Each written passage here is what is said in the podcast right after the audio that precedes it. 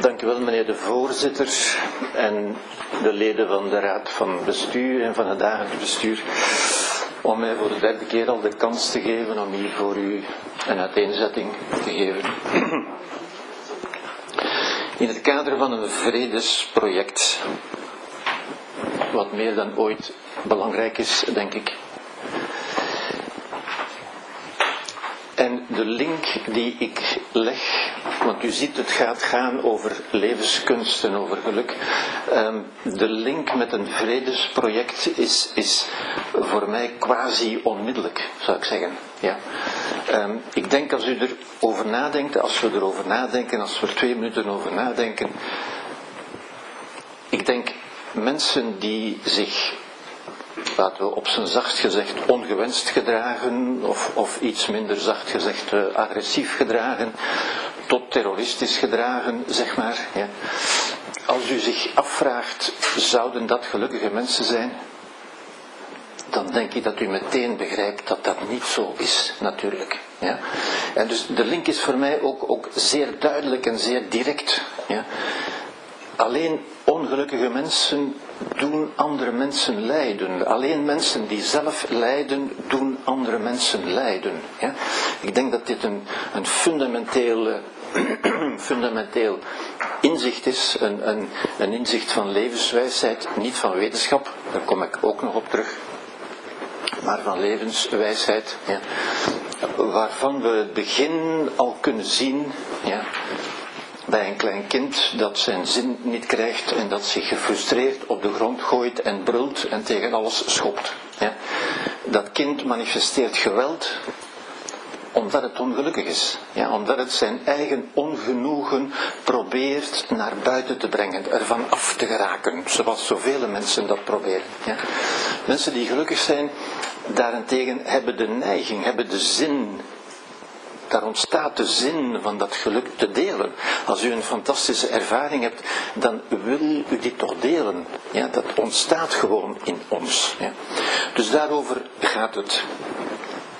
Um, er zijn twee dingen belangrijk daarin. Ja. Um, waarom filosofie? Uh, want dat, dat, dat schrikt mensen nog wel eens af. Dan zeggen ze filosofie, dat is toch iets moeilijks, iets abstract. Ik denk dat filosofie heel concreet moet zijn. Heel concreet voor ons, voor ieder van u, eigenlijk elke dag. Ja. En ik vergelijk het graag. Men vergelijkt het leven wel eens met een reis. En ik denk dat het reis, de reis is ook een goed beeld. Ja. En. Goeiedag.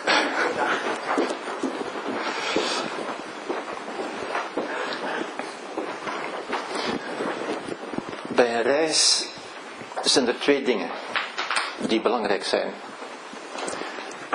Er is ten eerste de kaart, de map de wegenkaart waarop u kunt uitstippelen waar u naartoe wil gaan, die u ook zegt hoe u daar kunt komen, welke wegen u kunt nemen. Ja, dat is één element. En er is ook de reiziger. Ja. De kaart die mensen gebruiken, dat is, zou ik zeggen, dat is de filosofie. De reiziger, dat is de psychologie. Ja. En vaak worden die twee verward. Maar u begrijpt toch dat u een perfecte reiziger kunt hebben, die perfect gezond is en kan nadenken, ja? maar zonder een goede map komt die nergens. Ja? Anderzijds kunnen mensen die in minder goede gezondheid zijn, met een goede map wel ergens komen. Ja? En tegenwoordig worden de twee heel vaak verwacht. Ja? Mensen die niet komen waar ze willen zijn, die dat zelf ook zeggen, die dus niet gelukkig zijn, zeg maar, want dat is toch het doel voor ieder van ons. Ja. Mensen die niet gelukkig zijn, daar wordt al te vaak, al te snel gewezen op de reiziger. Ja? Dat zal wel de fout van die reiziger zijn. Er zal wel iets verkeerd zijn aan die reiziger. Ja? Dat is de psychologie. Dat is het makkelijkst, zou je kunnen zeggen. Dat is ook min of meer wetenschappelijk benaderd. Ja? Maar het zou best kunnen, en in vele gevallen is het volgens mij ook zo, dat er niks mis is met de reiziger, maar dat het wel iemand is die geen goede kaart van het leven heeft. Ja. En die kaart van het leven, Dat is waar ik het nu vandaag met u wil over hebben. Dat is wat we filosofie noemen. Maar u begrijpt dus onmiddellijk dat een kaart iets uitermate praktisch is. Ja? Zonder kaart komt u nergens. Draait u in cirkeltjes. Ja, zoals zoveel mensen uiteindelijk. Ja? Goed. Dit toont eigenlijk al onmiddellijk het hele menselijke drama, of de menselijke tragedie, of de menselijke komedie, of de menselijke tragicomedie, zoals ik het graag noem uiteindelijk. Ja. U ziet hierop, en daarmee leer ik u niks nieuws natuurlijk, de hele menselijke evolutie. U, u ziet, de mens staat aan het eindpunt van een, van een lange evolutionaire weg. Ja. En er is één belangrijk verschil. Als we naar al die andere, ja, en dit punt waar het leven uit de zee is gekomen, situeert zich om, om, om een idee te geven, ongeveer 600 miljoen jaar geleden. Dus dat is een hele poos. Ja. De mens is een absolute nieuwkomer in de evolutie natuurlijk. Ja. Iemand heeft ooit gezegd, als we de evolutie zouden voorstellen als een wolkenkrabber in New York, wel dan is de mens het bovenste laagje verf op die wolkenkrabber. Ja? Wij zijn het allerlaatste stadium, maar een heel belangrijk stadium, zeker voor ons natuurlijk. Ja? Ehm, er is ook een belangrijk, er is een belangrijk en een essentieel verschil in die vormen van leven. Als we naar al die andere vormen van leven kijken, dan ziet u ook, die zijn allemaal, zoals we dat zeggen, goed bezig. Ja. Goed bezig zijn wil zeggen weten wat je te doen hebt. Op welk moment weten die wat ze te doen hebben. Het staat er ook op. Ja.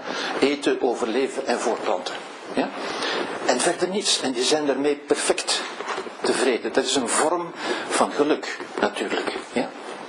Het is alleen een vorm van geluk die voor de mens niet meer bereikbaar is. Ja, want de mens heeft dat wonderlijke, dat, dat mysterieuze uiteindelijk. Het is nog altijd een wonder uiteindelijk. Ja. Um, eigenschap, vermogen zouden we kunnen zeggen. Ja. Een ongewenst vermogen voor sommigen. Van zich die vraag te stellen van wat heb ik hier eigenlijk te doen? Ja. Dieren stellen zich die vraag nooit. Ja. De mens wel vroeg of laat komt die vraag bij de mens op. Ja? Dat is niet eens een persoonlijke keuze, niet eens uw persoonlijke belangstelling. Die vraag doet zich gewoon in ons voor. Ja? Ze ontstaat gewoon. Ja? Tot ongenoegen vaak van mensen die die vraag liever niet zouden hebben. En die die vraag zelf zien als het, als het symptoom bijna, als het teken van een probleem. Ik stel mij daar vragen bij, zeggen de mensen. En dat wil dan zeggen, ik vind het een probleem, uiteindelijk. Nu, dat is bij uitstek de menselijke vraag, natuurlijk. Ja? Niet omdat wij, zoals veel mensen dan denken, iets zouden verloren zijn. Wat zouden wij verloren zijn? Wel, dat, dat eenvoudige geluk. Ja? Dat is de mens verloren, zo gezegd. Is de mens iets verloren? Nee, natuurlijk niet. Ja, de mens heeft iets bijgekregen. Namelijk dat wonderlijke vermogen van naar zichzelf te kijken, het zelfbewustzijn, en zich te vragen van waar gaat het leven in Semelsnaam om? Hoe moet ik in Semelsnaam omgaan met al die dingen, met die wereld, met die mensen enzovoort. Ja. Goed, dus dat is de vraag waar ik het nu een beetje wil over hebben natuurlijk. En om, daar, om daaraan te beginnen, en het is al gezegd, we gaan het hebben over de moeilijkste dingen die er eigenlijk zijn voor de mens. Ja? Daarnaast is, is, is, is kwantumfysica relatief eenvoudig uiteindelijk. Hè. Het allermoeilijkste voor de mens is juist dat bewustzijn. Ja. En wat doen we daarmee? Hoe creëren we geluk en ongeluk? Ja. En degene die mij vroeger hebben gehoord uh, hier, ik heb vorige jaren hier vooral de nadruk gelegd op het, begrijpen van wat lijden eigenlijk is. Ja, het, het niet welzijn. Ja. Ik ga daar nu ook nog wel iets over zeggen, maar ik wil vandaag toch meer de nadruk leggen op het aspect, het creëren van welzijn hoe kunnen we tot een gelukkig leven komen. Ja? En dat is juist levenskunst natuurlijk. Levenskunst is dat wat ons moet brengen tot een gelukkig leven. Hoe we geluk ook definiëren. En we gaan daarop terugkomen. Ja? Goed. Het beeld dat ik gebruik, en we hebben behoefte aan beelden, aan metaforen, aan beeldspraak. Ja. We, hebben daar, we hebben dat nodig omdat de dingen waar we het over gaan hebben, omdat we daar niet exacte woorden voor hebben. Geen exacte woorden en geen goede definities. Ja. Bijvoorbeeld, als u me vraagt wat is geluk, ja, dan moet ik u zeggen, uh, Eigenlijk kan ik dat niet definiëren. Toch niet op een manier, ik kan daar natuurlijk veel over zeggen en veel definities, maar niet op een manier die het voor u levend zou maken. Ja? Nu, dat kunnen we voor geen enkele menselijke ervaring. Ja? Als u nooit sinaasappelsap hebt gedronken, kan ik u ook niet beschrijven hoe dat zou zijn. Maar als u het wel hebt gedronken, dan herkent u het onmiddellijk. Ja? Wel, dat is wat ik nu ook ga doen. Ja? Ik ga een beeld gebruiken waarbij ik beroep doe op uw levende ervaring, zou ik zeggen. Ja? En ik gebruik het beeld van een partnerrelatie. Ja? Nu, een partnerrelatie, dat kennen we allemaal. Ik heb nog nooit mensen ontmoet die zeggen, ik weet niet wat dat is. Ja. Iedereen weet wat dat is. Ja. En normaal begint dat ook met een fase van, zou ik zeggen, verliefdheid. Ja. Weet u wat dat is? Ja, iedereen weet wat dat is. Hè. Ik heb nog nooit mensen ontmoet die zeggen, ik weet niet wat dat is, verliefd zijn. Ja. Iedereen kent dat. Ja. Dus dat moet ik niet verder uitleggen.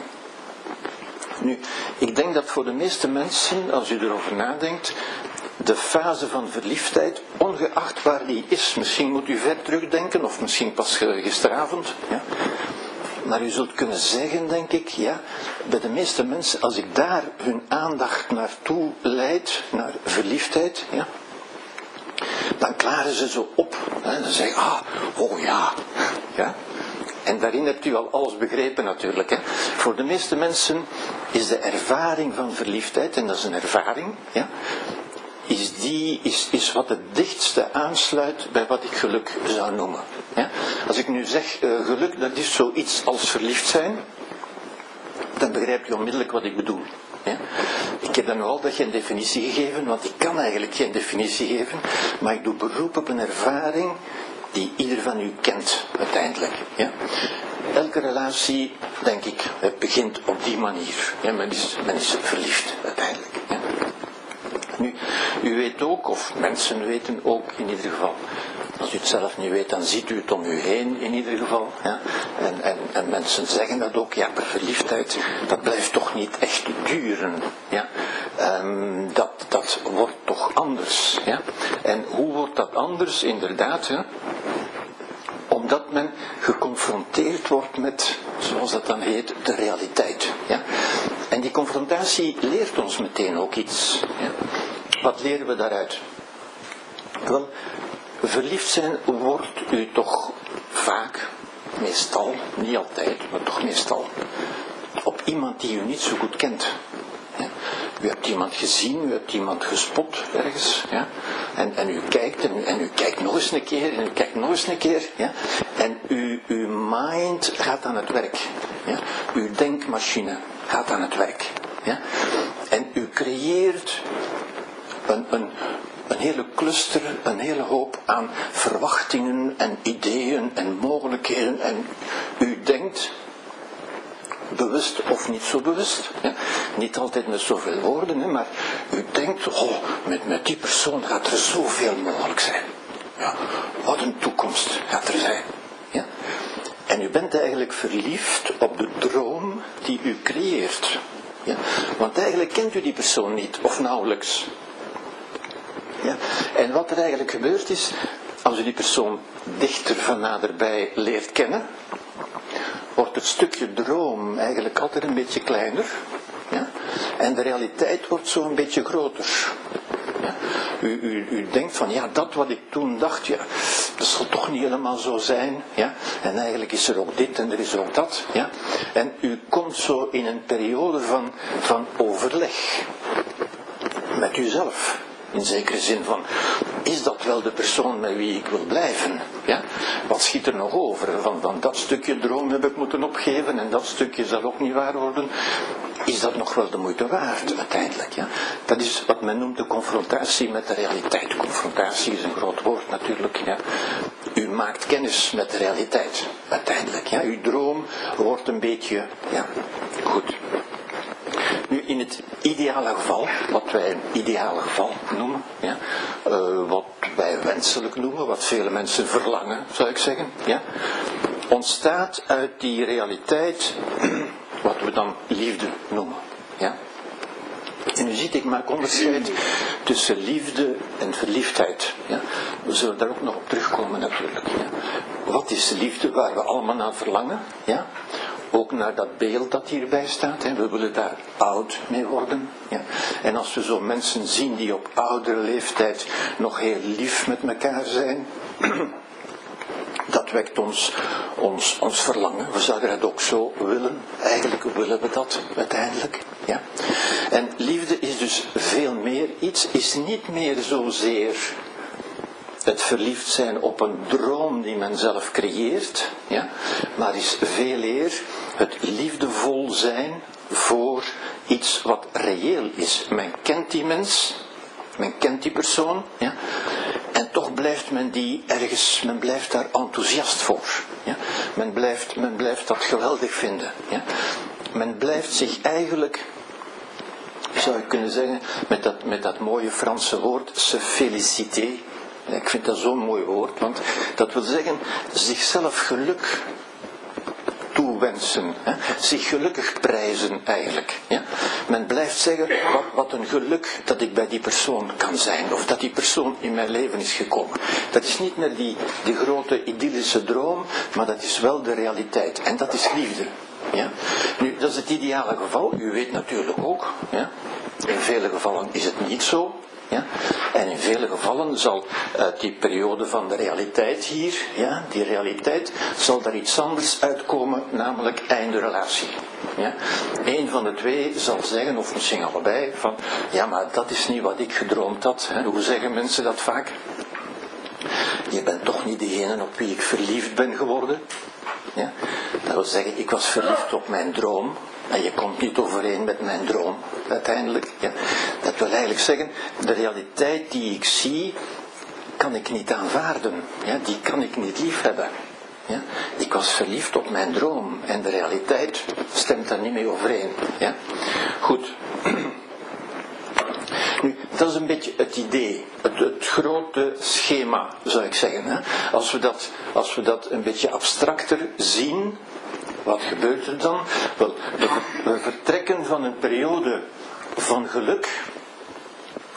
We komen in een periode van minder geluk, of zeg maar ongeluk. Ongeluk is ook een groot woord, maar een, een periode van, van problemen, van wrijvingen, ja? van politiek noem ik dat vaak ook. Ja? Politiek in de nobele betekenis van het woord. Hè? Politiek als de activiteit die bestaat uit het verzoenen van het wenselijke met het haalbare. Ja. En in het beste geval komt men daar op een rijpere, meer volwassen manier uit. Ja. In het minder goede geval trekt men zich terug uit die relatie. Zegt men, dat is toch niet wat ik wilde. Ja. Dat is het idee. En dat moet u een beetje voor ogen houden, dat grote, dat grote schema. Ja. Goed. Ik ga een kleine stap verder. Want ik zou zeggen, een mens als partner, die kunt u altijd nog, u kunt altijd nog een ruil doen. Ja? U kunt een standaardwissel doen. Zeggen, dit model staat mij niet aan, is er een ander model. Ja? Maar er is één partner die u nooit kunt ruilen, natuurlijk. Ja? Wie is die partner? Ja? Hoe zegt u? Uzelf, uzelf, ja, daar zit zeker iets in, maar ik bedoel eigenlijk nog iets anders. Ja. Hoe zegt u? Nee, nee, nee, nee, nee. Die kunt u wel ruilen als u wil. Hoe zegt u? Uw kinderen. Ja, dat is zeer goed, maar ik zie het nog een beetje ruimer. Hè? Ik zou zeggen, de enige partner die u niet kunt ruilen is het leven. Het leven is uw partner, eigenlijk. Ja? Die u onmogelijk kunt ruilen. Ja? Het is ook geen, geen generale repetitie, nee, it's the real thing. Ja? Het is nu of nooit. Ja? Als u het met die partner niet vindt, dan bent u een ongelukkig mens. Ja? En dus de kunst het is een kunst, geen wetenschap. Hè. Kom daarop terug. Het is een kunst. Van met die partner die u gegeven is, die u niet gekozen hebt, ja, die u toch gegeven is. Ja. In die zin is dat ook een beetje zo met familie en met kinderen natuurlijk. Hè. Die, die kiest u niet echt, hè, maar ze zijn er. Ja. Als u met die partner een gelukkige relatie kunt, ja, goed. En dat begint een beetje gelijkaardig. Hè. Dus ik zou zeggen, het leven als partner. Hoe beginnen we aan het leven? Op een min of meer vergelijkbare manier. Ja? Namelijk op een, met wat ik zou noemen, wat we zouden kunnen noemen, het oorspronkelijke geluk. Ja? Wat is het oorspronkelijke geluk? Wat is het geluk van een pasgeboren kind? Ja? waarvan men soms zegt dat we veel kunnen leren. Ja, en we kunnen er dingen van leren, niet alles, maar een aantal dingen wel. Ja. Wat kunnen we van, van leren, of wat kunnen we opmerken in ieder geval? Wel, dat zo'n pasgeboren kind, en een jong kind tot een zekere leeftijd, eigenlijk van nature gelukkig is. Die is in zekere zin verliefd op het leven, zou je kunnen zeggen. Ja? Die ontdekt met verrukking ja?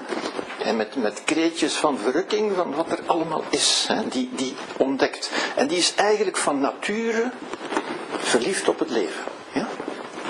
Tenzij we het zo'n kind echt heel moeilijk gaan maken, wat we meestal niet doen, want de meeste mensen, de meeste ouders en zeker de meeste moeders, vinden er een plezier in van zo'n kind alles te geven wat het nodig heeft. En, en nog meer dan het nodig heeft. En nog voor het dat nodig heeft. Ja? En dat is ook het, het kinderlijke geluk. Het kinderlijke geluk is van alles te krijgen wat je nodig hebt. Ja? Dat, is een, dat is een echt geluk, natuurlijk. Kunnen zeggen, dat is het lustprincipe. Dat is ook van nature egocentrisch. Ja? En egocentrisch is een woord dat ik niet zo graag gebruik, omdat het een beetje een scheldwoord is geworden eigenlijk. Ja. Maar eigenlijk wil dat zeggen, zo'n kind kan nog niet anders dan aan zichzelf denken. Ja? Van een volwassene verwachten we natuurlijk iets anders, maar zo'n kind kan nog niet anders. Zo'n kind denkt alleen aan zichzelf, aan zijn eigen lust, aan krijgen wat het nodig heeft. En lust is krijgen wat je nodig hebt. Ja? De lustbevrediging, de behoeftebevrediging. Ja? Het is genieten. Dat woordje genieten hoort echt hier thuis. Ja? Genieten is een babywoord, zou ik zeggen. Ja? En als u er dingen bij denkt, dan, dan moet u dat vooral doen, want dat is precies wat ik bedoel. Ja? Het woordje genieten ja, is een babywoord. Hè. Het prototype van het genieten is een baby aan de moederborst. Ja? Dat kind geniet zichtbaar. Ja? Um, dat is uh, wat ik zou noemen een porcratisch geluk van Le Port. Hè. Het is zoals een zwijntje. Het geluk van een zwijntje. Ja. Een zwijntje is ook gelukkig als het alles krijgt wat het nodig heeft. Het knort van genoegen. Ja, zo'n klein kind ook bijna. Ja. Het is eenheid, de eenheid die dat kind ervaart met die moeder. Ja. De vervulling van al zijn behoeften. Ja. Dat is letterlijk een paradijselijke toestand natuurlijk, letterlijk. Ja. Verbondenheid, allemaal dingen die we daar kunnen bijzetten. Hè. Het aardsparadijs. En dat is mooi, want we zien in die, in die mythologische voorstelling van het aardsparadijs, zien we eigenlijk echt dat. Ja? De mens was oorspronkelijk heel gelukkig, want hij had alles wat hij nodig had. Ja. Maar het bleef ook niet duren. Ja. Wie is, ja, het blijft niet duren omdat er, omdat er de verstoring, het wordt verstoord, dat geluk. Ja. En daar ga ik nog meer over zeggen, want die verstoring is belangrijk en essentieel. Ja. Niet alleen maar iets dat we moeten wegdenken, dat we moeten hopen dat het overgaat. Eh, nee, het is essentieel. Ja. Wat is de verstoring in het, in het geluk van zo'n klein kind? Ja. Wel, om te beginnen, zo'n klein kind gaat er, gaat er onbewust, intuïtief kunt u zeggen, ja. intuïtief is alleen maar ons onbewuste weten, ja. vanuit dat alles er is voor hem. Alles staat te mijn diensten. Mama is er voor mij en papa is er voor mij en het huis en, en hele familie en alles dient voor mij. Is er om mij te dienen. Ja?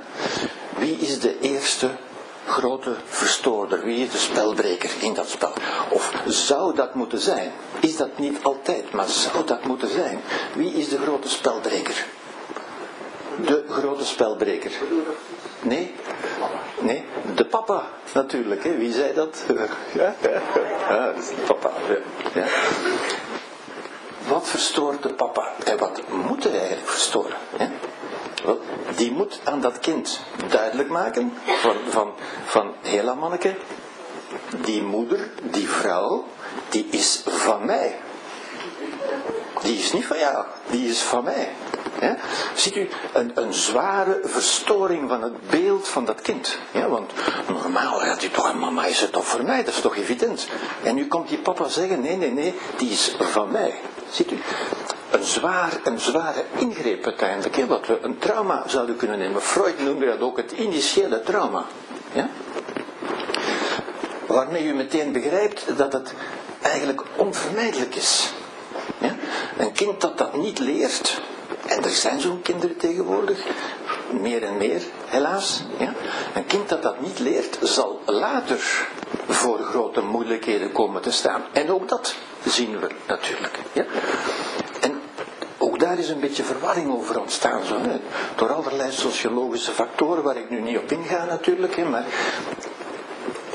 al te weinig zijn vaders, mannen dus, zich bewust van die taak. Dat is niet alleen een onvermijdelijke rol, dat is een taak, dat is iets wat zij moeten doen uiteindelijk. Om dat kind te helpen om te gaan met de realiteit. Ja? Zoals de vader in principe de navelstreng fysiek doorknipt, moet hij ook die, die psychische navelstreng uiteindelijk doorknippen. Ja? Goed. Uh, mythologie van het aardsparadijs zien we eigenlijk hetzelfde, min of meer. Ja? De val uit het paradijs in de christelijke mythologie. Ja? Um, waarom is dat? Omdat Adam en Eva slecht waren, omdat ze verkeerd hadden gedaan? Nee, in de grond omdat ze volwassen waren geworden. Dat wil zeggen omdat ze mens waren geworden. Ja?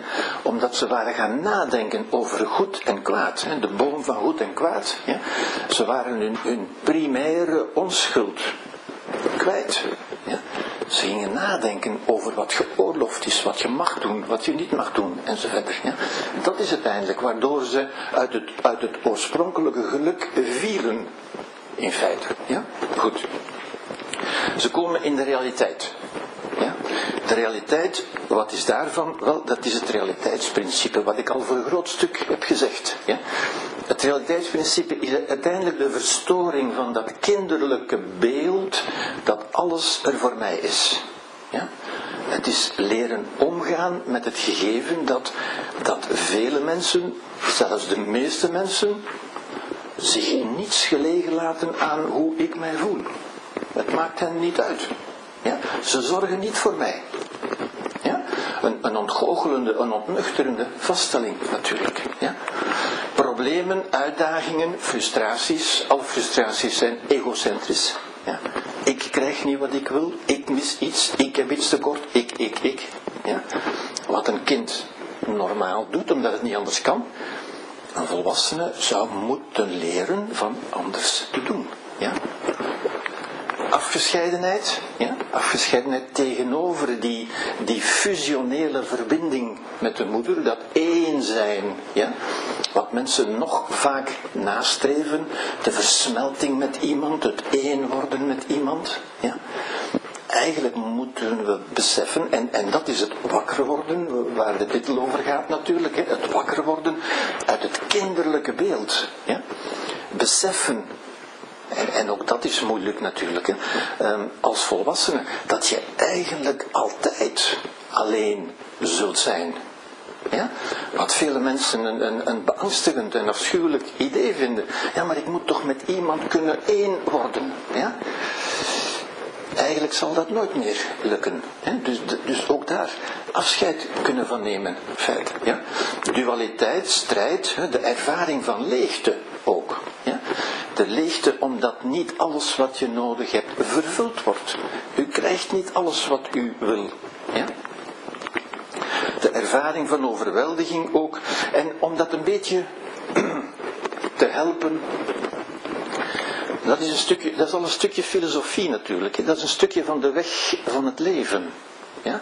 Ik heb nog niks gezegd over de reiziger. Ik heb nog niks gezegd over psychologie. Dit stukje gaat over psychologie, die transitieobjecten. Weet u wat dat is, transitieobjecten? Nee, u weet niet wat ja, u weet wel wat dat is, maar u kent die naam nog niet. Ja. Maar dat is een echt psychologische naam natuurlijk. Hè. Een transitieobject, als ik u zeg uh, een knuffel, of nog meer een sleurdekentje. Kent u dat? Ja, dat kent u, hè? Ja? Wel, dat is iets, dat is een object, een willekeurig object, waar dat kind zich aan vastklampt. Ja? Juist om die overgang gemakkelijker te maken. Hè? Van, uh, mama is er niet meer altijd voor mij, maar mijn dekentje, dat is er toch altijd voor mij. Ja? Of, of mijn hondje, of mijn beertje, of whatever. Ja? Dat is wat men een transitieobject noemt. Ja? Iets dat eigenlijk de plaats van de, van de verloren mama uh, een beetje inneemt, zou je kunnen zeggen. Ja, ja. Zegt u? Fopspelen, ja, inderdaad. Hè, ja. Al die dingen maken het een beetje gemakkelijker, zou je kunnen zeggen. Ja. Nu, sommige mensen blijven dat tot op hogere leeftijd doen natuurlijk. Hè. En u ziet al waar ik naartoe wil. Wat zijn transitieobjecten? Wel, dat kunnen bepaalde bezittingen zijn. Hè. Kunnen vullen, een dekentje, whatever. Ja. Dat kan ook uw villa zijn, of, of uw kunstwerken die u bezit, of, of iets dergelijks. Hè. Waar u bijzonder aan gehecht bent, wat u niet mag verlaten. Hè. U ziet ook al de verlatingsangst is hierbij natuurlijk. Ja. Nu, als, als u nadenkt over hoeveel volwassenen zeggen, en ik zie er heel regelmatig, hè, die zeggen dat ze aan verlatingsangst lijden, ja, wel, dan ziet u al een beetje waar u die kunt situeren op de reis van het leven, zou ik zeggen. Ja. Is dat een psychisch probleem? Nee, dat is een levensprobleem. Dat is een een situering in het leven, zou je kunnen zeggen. Hè? Wat is er nog substantie? Dan zijn we onmiddellijk bij, bij verslavingsproblematiek natuurlijk. Ja. Alles waarvan u denkt dat u het nodig hebt, het, roken natuurlijk, hè? alles wat met oraliteit te maken heeft. Ja? De, de plezieren van de mond, zou je kunnen zeggen. Ja? En dan ziet u in onze samenleving is dat heel veel. Al, al de kookprogramma's, al, die, al de, de glossy magazines die over koken gaan en zo verder. Er zijn massa's die over, alleen maar over het plezier van dingen in de mond stoppen. Ja? Nu, dingen in de mond stoppen is toch bij uitstek het babyplezier. Een baby heeft alleen maar dat plezier, heeft nog geen ander plezier. Vele volwassenen, hoort u mij zeggen, natuurlijk ook. Ja? Oké. Activiteiten. Hè? Alles waarvan u denkt van, ja, dat heb ik nodig. Het nodig hebben. Ja? Het nodig hebben op volwassen leeftijd noemen we dat een verslaving, natuurlijk. Ja? Alles waarvan u denkt, waarvan u gelooft dat u het nodig hebt, is een verslaving. Ja? Goed. Nu, in het beste geval ontstaat ook daaruit, uit die hele moeilijke periode, zou je kunnen zeggen. Een periode waarin het, het, u niet naar de zin wordt gemaakt, waarin wrijvingen zijn, waarin problemen zijn. Ja. In het beste geval komt u daaruit in een volwassen geluk, zou ik zeggen. Ja. Um, het volwassen geluk kunnen we zien als de ervaring van enchantment. Ja. En enchantment is is, is een moeilijk woord. Uh, ik, ik, gebruik het ook niet zomaar in het Engels, maar omdat ik er geen echt goed Nederlands woord voor vind. Uh, men kan, er zijn wel een aantal woorden. Enchantment wil eigenlijk zeggen het. Hoe zegt u? Betovering. Hè? Het wil letterlijk zeggen de betovering, inderdaad. Hè? Enchant is een betovering. Hè? Iets waardoor u gegrepen wordt en betoverd wordt. En ik kan het u alleen maar, maar voordoen, hè? Waarvan, waarvan u, uw paf staat, waarvan uw bouche bée staat. L'émerveillement, zegt men in Frans. Ja? Die, die, die mooie uitdrukkingen. Ja? Het gegrepen worden door iets. Het, de vervoering, zegt men ook in het Nederlands. Vervoering is ook zo'n een, een mooi woord. Het wijst op transport in het Frans. En dat is het letterlijk, het getransporté, uit zichzelf gevoerd worden naar iets anders. Ja? De vervoering, l'enchantement, tilt u eigenlijk uit uzelf. Op dat moment vergeet u eigenlijk uzelf. U voelt zich verbonden met iets. Ja? En elke, kent u dat? Ja, natuurlijk kent u dat. Ja? Want elke esthetische ervaring heeft eigenlijk iets van dat. Ja? Maar ook elke natuurervaring, ja? alles waarvan u u, kunt het soms zo hebben als u, als u met de wagen rijdt in, in Frankrijk of in Italië, kunt u zo plots op een, op een panorama vallen dat u, dat u pakt, dat u grijpt. Ja? Waarbij u alleen nog maar wauw kunt zeggen. Ja? En waarom zegt u wauw? En, en dat, is, dat belangrijk. Ja? Omdat er op dat moment niets anders te zeggen is. Ja? U kunt dat niet zeggen, u kunt dat niet uitdrukken. Dat valt niet uit te drukken. Alles wat u gaat zeggen, en we hebben natuurlijk onmiddellijk zin om daar toch iets over te zeggen, maar zodra we iets beginnen zeggen, zijn we bezig met praten over die ervaring. Zijn we niet meer in de ervaring zelf. Ja? En wat ik bedoel is de ervaring zelf. Ja? Als u daar eventjes aan terugdenkt, ja? het moment dat u sprakeloos bent. Ja? Want het moment dat u begint te spreken, is het al spreken over. Ja? Is de betovering in zekere zin al verbroken. Ja? Het, is, het is echt het betoverd zijn. Ja? Ik denk dat ieder van u dat ook kent. Hè? Wel, dat is enchantement. Dat zou ik zeggen, dat, dat kweken, en daar gaan we op terugkomen, dat cultiveren, die eigenschap. Ja? Want wat kunt u daaruit leren als u dat eenmaal hebt meegemaakt? Ja? En dat heeft natuurlijk een verband met, met verliefdheid. Verliefdheid is ook zoiets, is ook enchanté, betoverd zijn in zekere zin. Ja? Wat kunt u daaruit leren?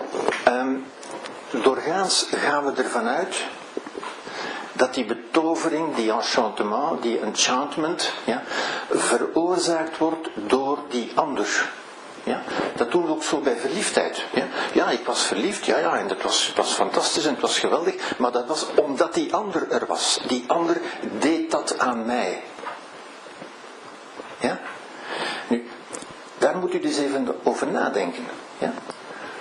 Als u begrijpt, en, en dat is een beetje begrijpen, dat is een beetje filosofie natuurlijk. Hè? Als u begrijpt dat de ander dat eigenlijk niet kan aan u, ja? Als u nadenkt over de bron van die, van die ervaring van enchantment, dan moet u concluderen, die bron zat eigenlijk in mij. Als het de ander zou zijn, dan zou wij dat op alle andere mensen ook moeten hebben. En nee, het was alleen op u. Ja? Dat wil zeggen, het heeft met u te maken, niet met die ander. Ja? Het is hoe u kijkt. Ja? Beauty is in the eye of the beholder. Ja? Schoonheid is in de ogen van degene die kijkt. Het is uw manier van kijken. Ja? Die maakt dat u er het mooie van ziet. Ja? En ook dat is weer een belangrijke een belangrijk inzicht en een belangrijke stap. Ja? Wat kunnen we leren uit elke episode van verliefdheid? Of ook, of ook van enchantment, wat eigenlijk zeer verwant is, zoals u hopelijk begrijpt. Ja? Begrijpen dat die mogelijkheid in ons ligt, dat de bron van die ervaring in ons ligt. Ja. Nu, als die bron, als de bron van die ervaring in ons ligt, als we dat echt beginnen geloven, echt beginnen inzien, ja, dan wordt dat ook iets wat u kunt leren gebruiken. Dan kunt u die bron ook leren in werking stellen. Dan kunt u enchantment creëren uiteindelijk. Ja? En moet u niet langer. Hè? Mensen zeggen dat soms. Mensen zeggen soms, ik, ik hoop dat ik nog eens verliefd ga worden. Ja? Ik hoop dat er nog eens iemand zal langskomen waarop ik verliefd kan worden. Ja? Nu, als u dat zegt, als u dat gelooft, dan denkt u dat de bron bij die ander ligt. En dan hoopt u dat er nog eens iemand zal komen die dat nog eens zal doen bij u. Ja? Ik zou zeggen, het, het, het volwassener inzicht is, die bron is in mij. Eigenlijk kan ik die altijd. Ja? U zou eigenlijk kunnen, en, en dat zijn ook dingen die men therapeutisch kan gebruiken natuurlijk. Ja, ik doe dat soms uh, ja, regelmatig bij mensen, ook bij mensen met een zeer zware, wat dan een zeer zware depressie heet. Want er zijn geen gewoon depressies meer tegenwoordig, het zijn altijd zware depressies. Um, en dan, dan zeg ik, uh, denk eens even terug aan het moment toen je verliefd was geef niet aan wanneer, of dat nu gisteren was of vijftig jaar geleden, maakt niet uit. Ja? En als u dat doet, of als ik dat doe, dan, dan zie je zo voor uw ogen een soort metamorfose. Hè? Dan, dan klaren die mensen op, die zo heel zwaar en bedrukt en zeggen, oh ja, ja, ja. Ze klaren helemaal op. Oh ja, dat was fantastisch, dat was geweldig. Ja? Maar dat was ja? Sommige mensen schrijven dat ook aan plaatsen toe. Hè. Ik, ik herinner me nog altijd zo'n een man die zei, ja, als ik, in, als ik in Californië kom en ik kan op een strandzetel naar de oceaan kijken, oh, dan voel ik mij, hè, enchantement, eigenlijk verliefdheid. Ja? Maar die gelooft dus, die man gelooft dus, dat dat ligt aan dat strand en die oceaan. Ja? En ziet u, het, het, het rijpere, het meer volwassen inzicht is dat strand en die oceaan is alleen maar de context waarbinnen ik die mogelijkheid van mezelf kan leren ontdekken. Ja? Het is waar dat u het daar ontdekt. Maar als u er even over denkt, dan zegt u dat moet iets van mij zijn. Die ervaring is van mij. Ja?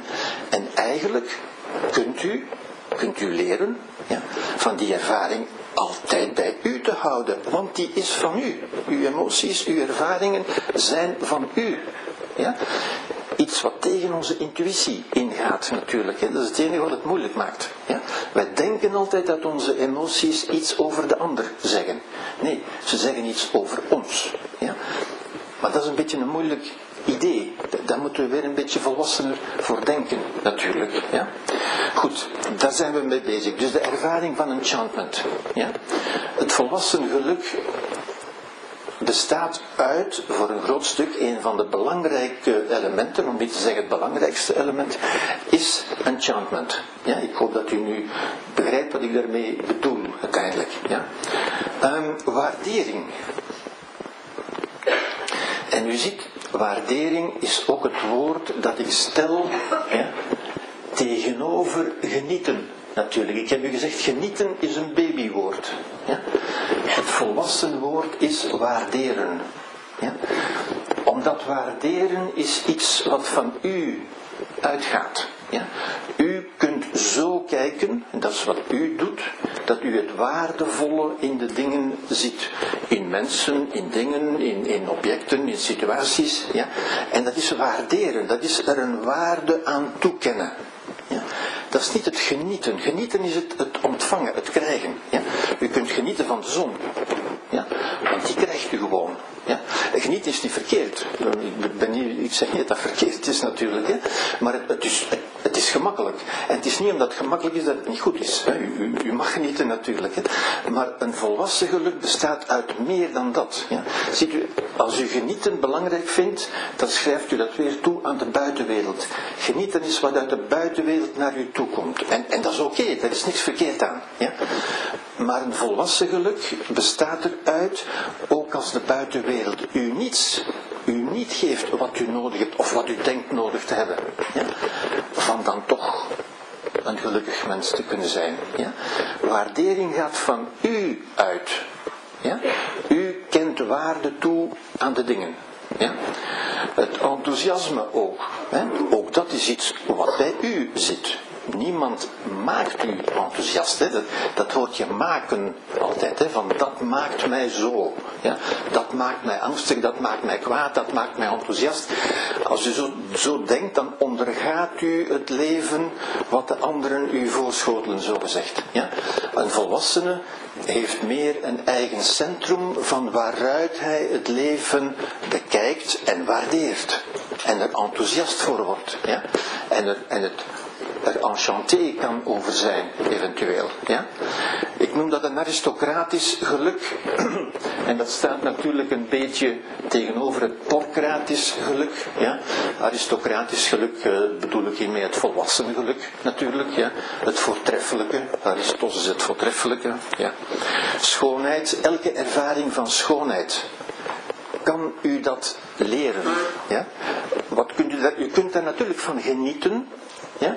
maar u kunt er ook iets van leren. Wat kunt u leren? Wel, elke ervaring van schoonheid wijst op een bron van geluk in u. Ja? Niet alleen in dat ding of in die persoon of in die omstandigheid, maar in u leert u iets over uzelf. Ja? Dat u dat kunt. Ja? Zinvolheid, dankbaarheid, daar kom ik nog op terug. Ja? Uh, dankbaarheid is natuurlijk ook iets dat van u uitgaat. Ja? U kunt beseffen, u kunt waarde hechten aan al wat zomaar in uw leven komt. Ja? En beseffen dat u daar dankbaar kunt voor zijn. En dankbaarheid wordt wel de koninklijke weg naar geluk genoemd natuurlijk. Ja? Het mysterie en transcendentie ook. Ja? Het, mysterie is, heeft eigenlijk iets te maken met die enchantment. Ja? Als u iets als u over iets enchanted bent, ja, of dat nu de verliefdheid op een persoon is, of, of op een dier, of op een omstandigheid, of, of, of wat dan ook. Ja. Um, als u de, de, de Mona Lisa van, van Da Vinci ziet, bijvoorbeeld, ja, en ook dat is een, is een goed voorbeeld, ja, want dat is iets waar u altijd opnieuw kunt blijven naar kijken. Ja. U kunt nooit zeggen, nu ben ik erop uitgekeken. Dat is ook zo met een bloem, met een roos bijvoorbeeld. Ja? Telkens u kijkt, ontdekt u opnieuw van, u bent nooit uitgekeken. Ja? Wel, dat, het, het eindeloze, het onpeilbare, het onvatbare ook. Ja? U kunt schoonheid niet benoemen. Enfin, u kunt dat woord uitspreken, maar wat is eigenlijk schoonheid? Ja? Schoonheid is ook iets waarvoor we alleen maar zwijgend kunnen zijn. Ja? Ja? En het beste woord daarvoor, denk ik, is het mysterie. Het mysterie, ja? het onbegrijpelijke, ja? wat we vaak ook in God projecteren natuurlijk. Hè? God is de eindeloos goede, het eindeloos mooie, het eindeloos enzovoort. Ja? Dat wil zeggen, dat is niet te vatten. Ja? Maar dat vindt u in elke, dat kunt u leren zien. Ja? Dat is waar mystiek over gaat, waar mystici over gaan natuurlijk. Ja? Zo leren kijken dat u het mysterie in alles kunt zien. Ook in een mens. Ja? Ook in een mens die vijandig is tegenover u. Ook een mens die u niet goed vindt. Ja? Kunt u toch zien, dit is eigenlijk een wonder. Hè? Zoals men in, in de religie, in de religie soms zegt, uh, alles is een kind van God, alles is een schepping van God. Voor, voor mensen die, die een, een religieuze context uh, um, hebben. Ja? Iemand die dat niet heeft, die kan zeggen, dit is het mysterie. Ja? Dat we zeggen het eindeloze, waarop u nooit uitgekeken bent. Hè? Goed, wat hebben we daarvoor nodig? Wat ik zou zeggen, een of andere vorm van levenskunst. Ja? En levenskunst heeft altijd te maken met aanvaarding. Ja? Aanvaarding, aanvaarding van wat? Wel, aanvaarding van wat er is. Ja? Het lijden daarentegen, ja? het lijden is als we verstoten worden uit ons, uit ons oorspronkelijke geluk. Ja? Het lijden, elke vorm van lijden, groot of klein, er zijn geen uitzonderingen, ja, is altijd het niet aanvaarden van wat er is. En dat hoort u zo vaak bij mensen zeggen ook. Ja? Ik kan dat niet aanvaarden, zeggen mensen. Ja? Nu, niemand kijkt daarvan op, omdat we dat zo vaak horen, dat we dat gewend zijn geworden. Ja? Maar als u daar eventjes over nadenkt, is dat toch, is dat toch absurd. Ja? Hoe zou u iets niet kunnen aanvaarden? Als u nu zegt, eh, ja, die, die, die, zoals men dat vaak zegt, hè, mijn partner heeft mij verlaten en ik kan dat niet aanvaarden. Ik ja, bon, en, en, en, dan? Komt hij dan terug of zo? Of, uh, ja, of die is gestorven en dat is onaanvaardbaar. Ja, bon, ja. En dan? Ja? Dat is toch absurd, hè? Ik, ik bedoel, er zit, ook dat is weer een beetje filosofie natuurlijk. Hè. Dat, dat, heeft niks met psychologie te maken, maar met filosofie. Ja. komt uit de kinderlijke mindset, zou ik zeggen. Ja? Dat wij de keuze zouden hebben om dingen te aanvaarden of niet te aanvaarden. Zo, de, wereld doet zich voor en ik ga een keer beslissen wat ik kan aanvaarden en wat ik niet kan aanvaarden. Dat is totaal absurd. Dat is kinderlijk denken natuurlijk. Hoe zou u kunnen iets wat zich voordoet, hoe zou u kunnen zeggen ik kan dat niet aanvaarden? Het is al aanvaard. Want het heeft zich voorgedaan. Ja? Dus het is de facto aanvaard. Wat u wel kunt, is in uw mind, in uw geest, de afwijzing, het verzet, het conflict, het geweld, de onvrede dus. Hè. Ziet u, daar ligt al de onvrede. Ja? Het niet aanvaarden, dat wil zeggen, ik, ik kan er niet mee om, ik wil dat niet. Ja? Dat kind aan de kassa van de GB dat zich op zijn rug gooit omdat hij zijn kinderij niet krijgt, ja? wel, dat is niet aanvaarden. Maar krijgt hij het daarom wel? Nee. Mag hij proberen? Ja. En dat kind probeert dat ook. Ja? Maar in het leven werkt het niet zo. Als u niet kunt aanvaarden dat iemand gestorven is, wel, u mag het niet aanvaarden zolang als u wil. Maar het blijft wel dood. Ja? Ja? En ziet u die, die, die, die, die ijzeren logica. Ja? Wij kunnen, en dat is juist het lijden. Hè? Het lijden is in ons die, die strijd, dat, dat geweld uiteindelijk. We doen onszelf geweld aan op die manier in feite. Ja? elke levenskunst, en er zijn verschillende vormen van levenskunst natuurlijk, ja, is leren aanvaarden. Ja, En uiteindelijk is ook dat alleen maar wakker worden. Ja? Op een volwassen manier gaan kijken, begrijpen dat de wereld wacht niet op jouw aanvaarding. Ja?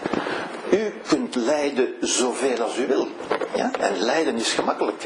Lijden is banaal, zou ik zelf zeggen. Iedereen kan lijden, u moet daar niet voor gestudeerd hebben. Niet lijden, dat vergt een beetje meer, meer wijsheid, meer nadenken, een beetje meer filosofie natuurlijk. Ja? Lijden is dood eenvoudig. Iedereen kan dat. Ja? Niet lijden, dat is de kunst. Dat is een kunst.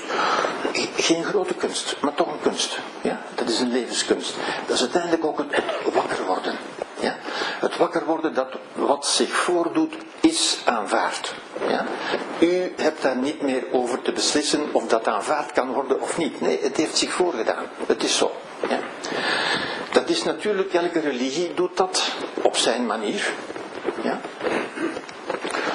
Om maar iets te zeggen, hè, hoe kon in de christelijke traditie die ik, die het beste ken, ja, hoe zeiden mensen dat vroeger? Hè? Hoe hoorde ik dat mijn grootouders bijvoorbeeld nog zeggen? Ja? Um, als, een, als een kind gestorven was, ja?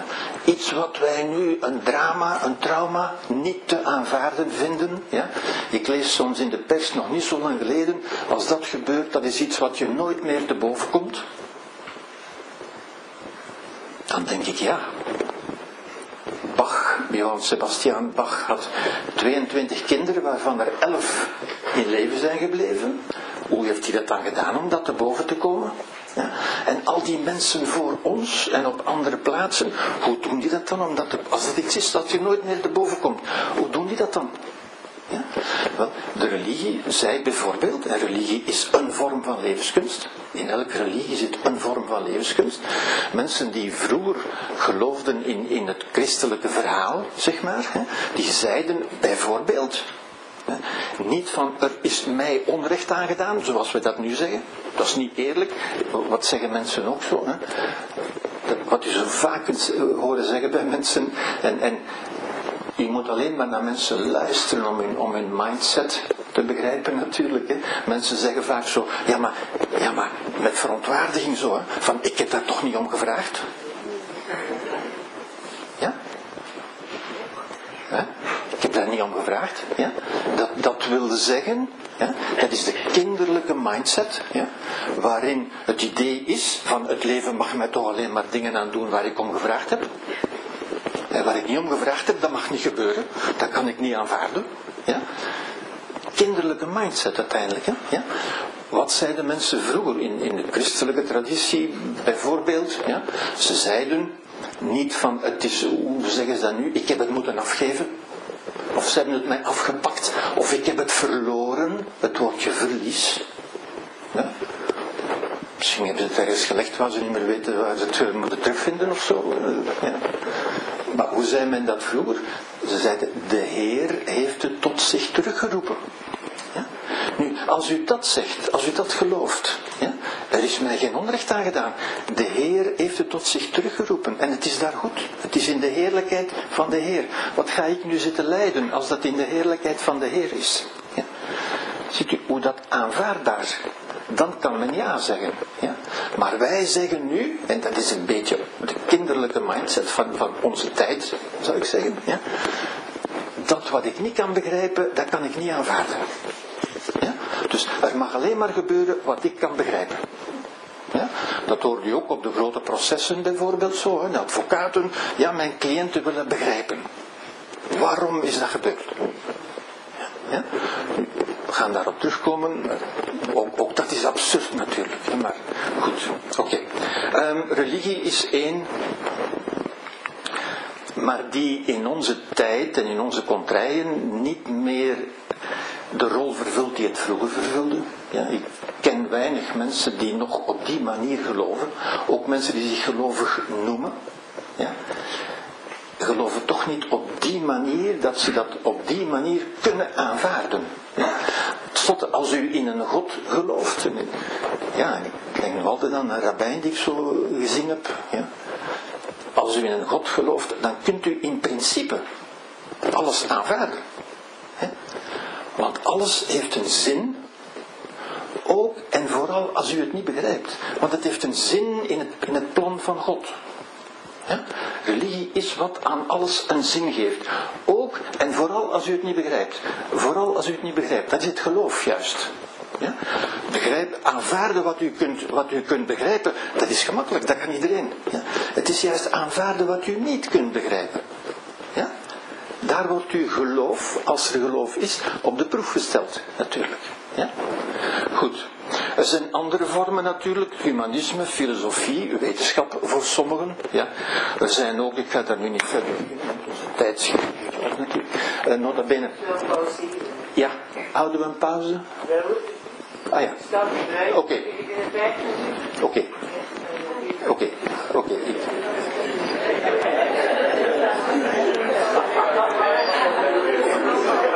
Ik ben.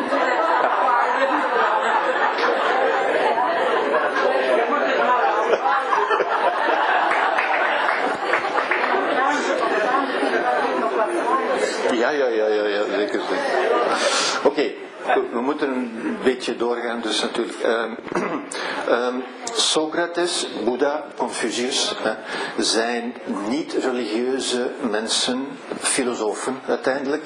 Boeddha, boeddhisme, zoals u weet, is geen, geen religie natuurlijk, maar is een filosofie, een levenskunst. Hè.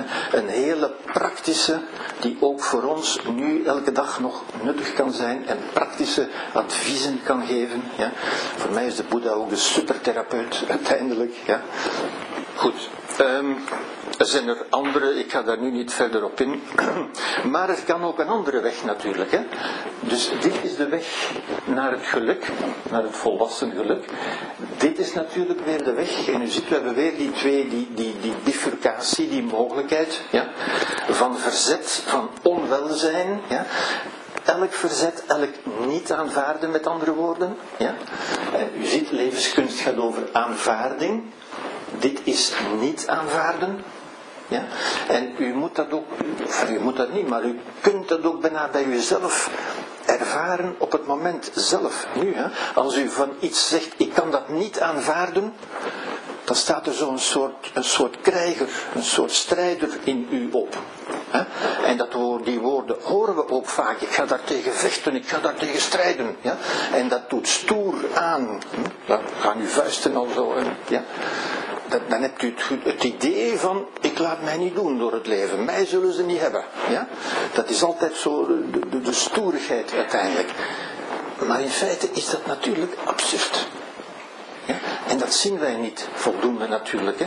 Dus dat is de weg naar verzet, naar onwelzijn, naar lijden, naar verslaving, naar depressie, uiteindelijk naar suïcide. Ja? Suïcide is natuurlijk de, de ultieme daad van ik wil scheiden van dit leven. Die partner die kan ik niet aanvaarden. Ja? Het niet kunnen aanvaarden is ultiem de suïcide. Ja? Depressie is al de existentiële dood, ik doe niet meer mee. Ja? Verslaving is, het, is de vlucht in de roes. Ja? Ik zoek mijn plezier ergens anders als ik mijn roes maar heb. Ook dat is dus het niet aanvaarden van het leven zoals het is. Hè? Dit leven staat mij niet aan. Ik wil iets anders. Ik heb iets anders nodig. Ja? Dus dat zijn vormen van, van scheiding van het leven, uiteindelijk. Ja? Nu, dat is, al, dat is dus wat ik zou noemen uh, dit is een stukje filosofie in, in de zin dat dat u de mogelijkheden toont die er zijn. Ja? Een mens kan die wegen bewandelen. En dat is echt zoals een kaart u de wegen toont die er zijn. Die u kunt nemen of niet kunt nemen. Dat is wat filosofie doet. Filosofie gaat over de realiteit en toont u de mogelijkheden die menselijk mogelijk zijn. Psychologie gaat over iets anders. Psychologie gaat over de reiziger. Ja? De reiziger die bijvoorbeeld altijd kan zeggen van, ja meneer, eh, dat wat u hierboven toont, dat is goed en wel hoor, maar voor mij kan dat toch niet. Weet u? Dat kan voor mij niet, want. En dan komen tal van verklaringen, excuses, uitleggingen, want mijn, mijn ouders, want mijn opvoeding, want mijn, uh, enzovoort, enzovoort. Ja? Alle redenen en excuses die mensen kunnen verzinnen om te zeggen van, ja maar voor mij kan dat toch niet. Ja? En dan staat u ook altijd buitenspel therapeutisch. Ja? Dan kan men, mensen kunnen altijd zeggen, ja meneer, je hebt gelijk hoor, en voor u is dat misschien waar, maar voor mij kan dat niet. Ik zit zo niet in elkaar, bijvoorbeeld. Ja? Het, het cliché der clichés zou ik bijna zeggen, hè? ik zit zo niet in elkaar. Alsof iemand weet hoe wij in elkaar zitten. Ja? Ja, ja, en ziet u, als ik die gedachte een, een paar woorden verder volg, dan, dan ziet u al het absurde daarvan. Niemand weet hoe hij in elkaar zit. Ja? Maar toch zeggen mensen dat. En als u dat dan gelooft, wel, dan, dan staat de ander buitenspel. Of, of die nu therapeut heet of niet, of, of psychiater of wat dan ook. Niemand kan u, kan u dwingen om een bepaalde weg te gaan volgen, zou ik zeggen. Ja? Zeer frustrerend, overigens, voor mensen die zich hulpverleners noemen en die daarmee begaan zijn. Ja? En mensen die, die proberen, die graag anderen gelukkig zouden maken. Ja? Eh, het is een onmogelijkheid. Ja?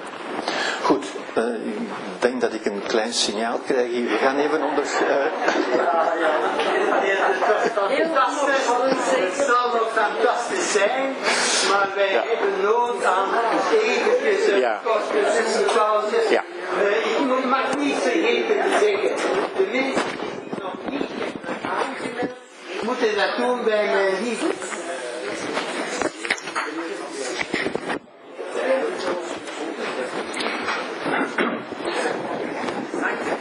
Oké, okay, en meneer.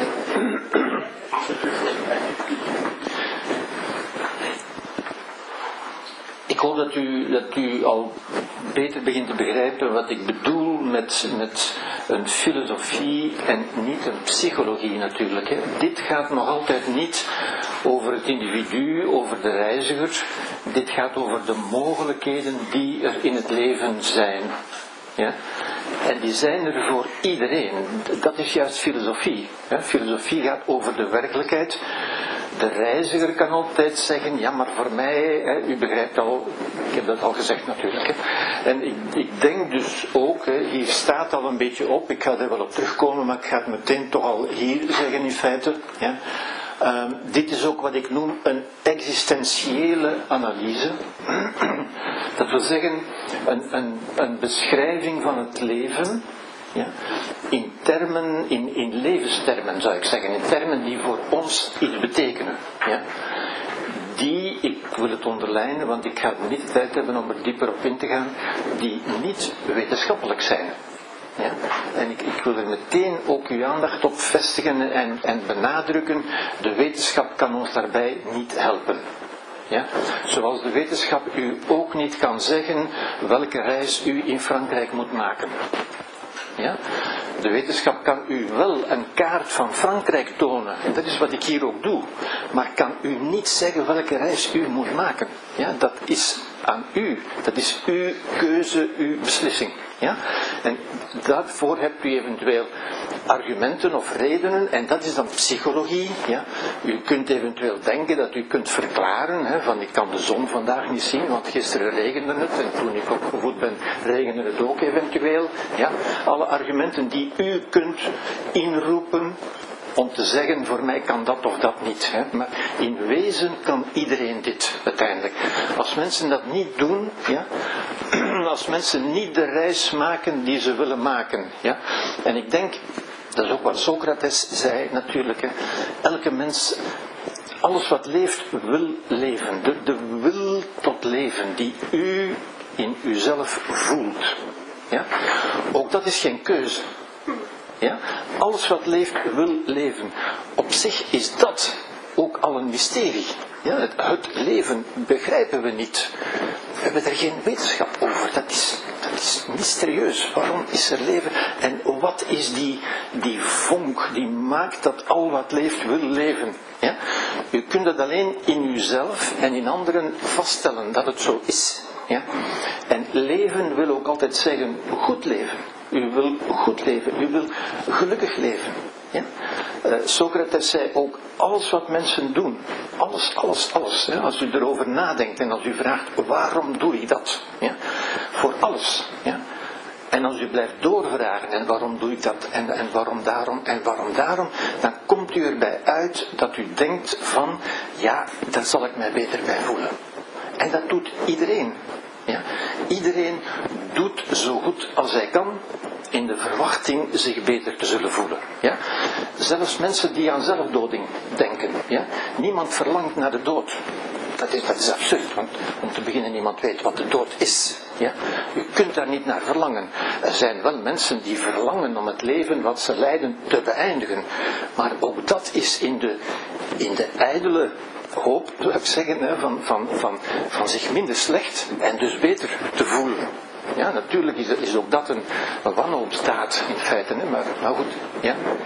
Um, iedereen wil uiteindelijk, ja, en iedereen doet zo goed als hij kan binnen zijn eigen logica. Ja. Zelfs mensen die in onze, naar onze mening dingen doen die totaal onaanvaardbaar zijn, en dat kan terecht zijn, ja, toch zullen die mensen in hun logica doen wat zij het goede. Ja. Om iets te doen moet u ervan overtuigd zijn, moet u uzelf kunnen overtuigen, moet u kunnen geloven dat dat het goede is om te doen. Ja? Socrates zei ook, en het, zijn zo van die diepe gedachten die, die, die men, waar men nooit diep genoeg, die eigenlijk heel eenvoudig zijn en waar men toch nooit diep genoeg over nadenkt. Ja? Socrates zei ook, niemand staat ochtends op met de gedachte, vandaag ga ik eens het kwade doen. Dat bestaat niet. Iedereen denkt, vandaag ga ik het goede doen. Ja, ik zie u twijfelen daar, ja. En, maar, maar dat is, ja, maar ik begrijp dat hoor, begrijp dat. Zelfs mensen die, en, en daar maken we ook de verwarring. En verwarring is een gebrek aan filosofie natuurlijk. Hè. Zelfs dingen die in onze ogen, volgens onze logica, totaal onaanvaardbaar zijn, is in hun logica het goede. Ja? En dus wat we als volwassenen moeten doen, kunnen doen, we moeten dat niet, maar we kunnen dat, ja, is begrijpen dat in hun logica was dat het goede, was dat terecht. Ja. Is dat een wetenschappelijke uitspraak? Nee. Het is een, het, ook dat is natuurlijk een geloof, dat, dat kunnen geen, geen, geen religieus geloof, maar een humanistisch geloof zou je kunnen zeggen. Ja. Ik zou zeggen, ik verkies dat te geloven ja? Want dat is niet iets wat ik kan aantonen natuurlijk, hè, wat we kunnen bewijzen of wat we kunnen begrijpen. Ik zou zeggen, dat ik verkies dat te geloven omdat dat een geloof is dat mij tot een volwassener mens maakt en dat mij in staat stelt van meer dingen te aanvaarden. Ja? En dus tot een gelukkiger mens. Ja? Maar niemand is verplicht van dat te geloven natuurlijk. Hè. U, kunt, u kunt heel andere dingen geloven. Ja. Goed. Dus u ziet weer het, het grote schema. Ja. Uh, we komen van een oorspronkelijk geluk. Ja. Um, dat heel fijn was. We komen in problemen. Ja, de problemen met de realiteit. En daaruit kunnen we, het is die bifurcatie hier. Hè. Sommige mensen zullen die weg gaan en vele mensen zullen die weg gaan. En het feit dat we in onze samenleving zoveel depressie, al dan niet gediagnosticeerd, officieel of niet officieel, zoveel lijden, zoveel verslaving eh, meemaken, heeft hier naar mijn mening rechtstreeks mee te maken. Ja? En het is ten onrechte, denk ik, ja, dat wij in onze, in, in onze samenleving, die, die wetenschappelijk geobsedeerd is. U leest elke dag in de media, de wetenschap heeft aangetoond dat, ja, maar de wetenschap kan niets aantonen over het individu. Ja? We kunnen ook daar niet begrijpen waarom mensen zo of zo reageren. Ook dat kunnen we alleen maar aanvaarden. Ja? Die mens heeft het nog niet anders gezien. Die doet zo goed als hij kan. Ja? Dat is ook de grote les van de Boeddha natuurlijk. De basis van mededogen natuurlijk. Hè. Elke mens is een mens die een bepaalde logica heeft en die daarin zo goed doet als hij kan. Ja.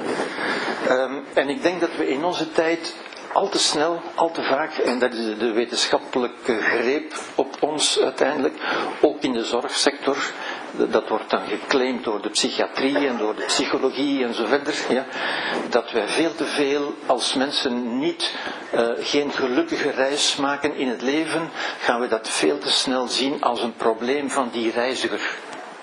Die heeft zeker een probleem met zijn neurotransmitters of met zijn genen of wat dan ook. Ja.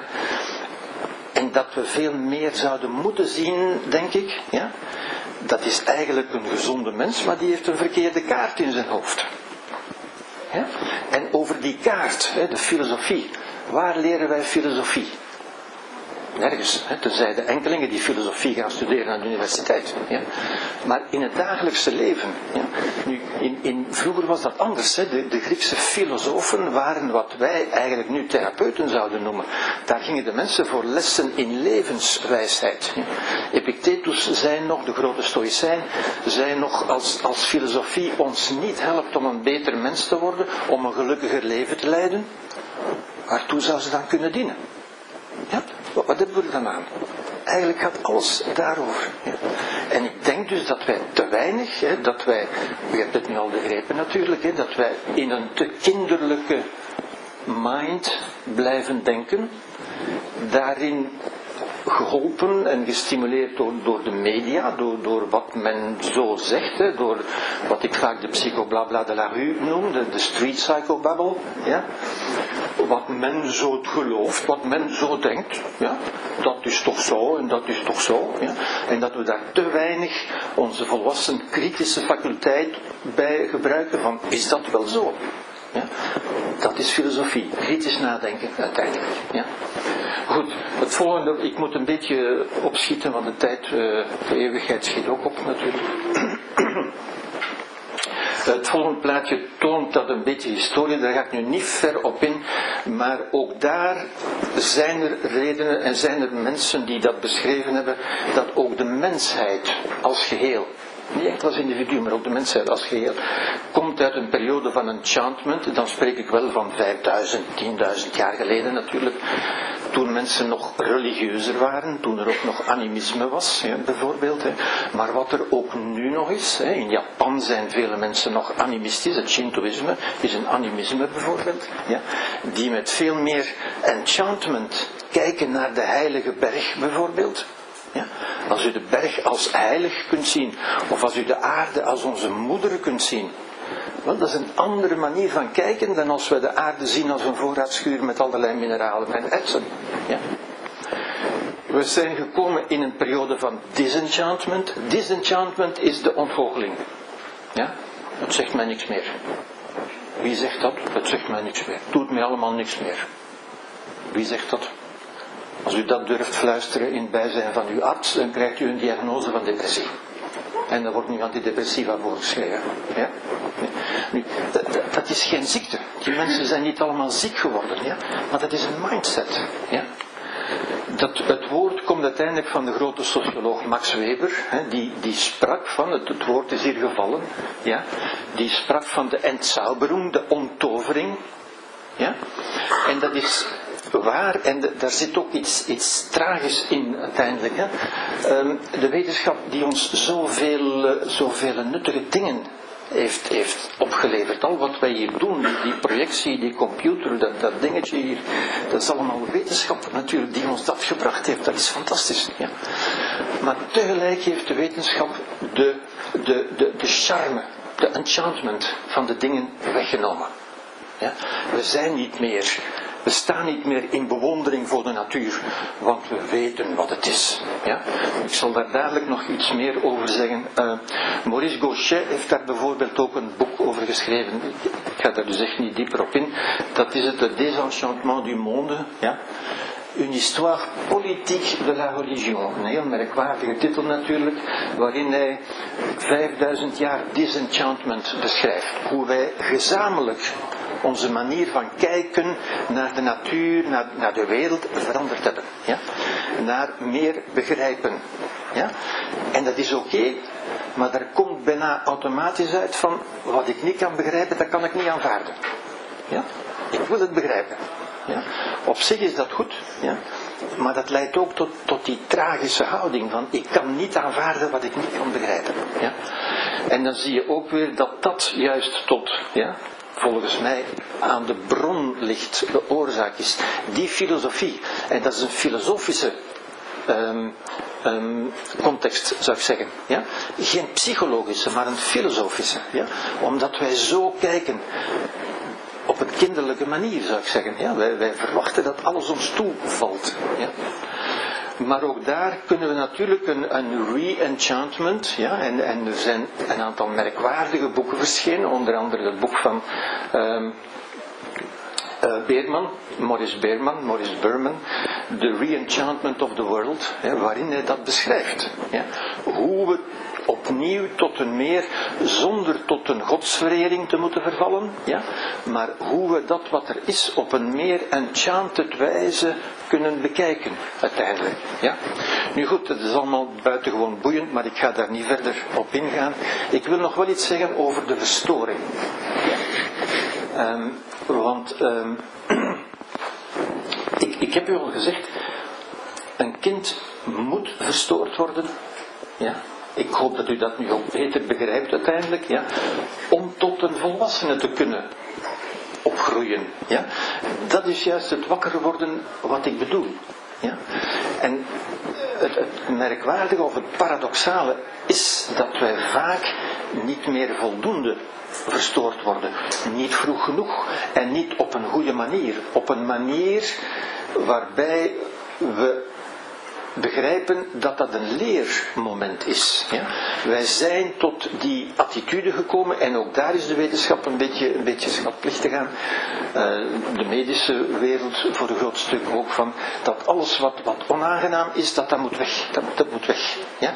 En we zien dat niet meer als deel van een leerproces uiteindelijk. Ja? De verstoring is nodig om wakker te worden uit het intuïtieve, egocentrische wereldbeeld van het kind. Ja? En dus de verstoring is niet, niet alleen maar iets onaangenaam, het is iets nodig. Ja? En tot volwassenheid te komen. Zonder dat, ja, en dat is vaak zo tegenwoordig, en vele mensen worden maar serieus verstoord op, op oudere leeftijd. Ja? Want wij willen intuïtief, en ook dat kunnen we begrijpen, hè, dat zijn normale, normale uh, attitudes zou ik zeggen. Hè. Wij willen het onze kinderen zo gemakkelijk maken en zo, zo fijn en zo leuk mogelijk. Ja. En dat is goed, maar waar gaan ze leren omgaan met moeilijkheden? Ja? En bij, bij moeilijkheden komen ze dan eh, heel snel in de, in de psychiatrie terecht natuurlijk. Ja? Heidegger zegt, de realiteit is vaak weerbarstig, weigert mee te werken en verstoort onze onbezorgde achterloosheid. Ja? En daar moeten wij kennis mee maken en daar moeten we leren in leven, in die werkelijkheid, die weerbarstig is, die zich niks aantrekt van hoe wij ons voelen. Ja? In plaats van daarover te klagen en te zagen, van je hebt dat toch niet gevraagd hoor. Ja. Levinas zegt, het is het gelaat van de ander die ons verstoort. Ja? Heidegger zegt, iets gelijkaardigs. Maar goed, ik ga daar nu niet verder op in. Ehm, ik heb gezegd, de eerste grote verstoorder is de papa, is de vader. Ja? Bij uitbreiding is dat de ander natuurlijk. Hè? De ander die er ook is. En die zegt, hela, ik heb ook mijn rechten, ik besta ook. Ja? En die dus onze, onze onbeperkte lustbeleving eigenlijk inperkt.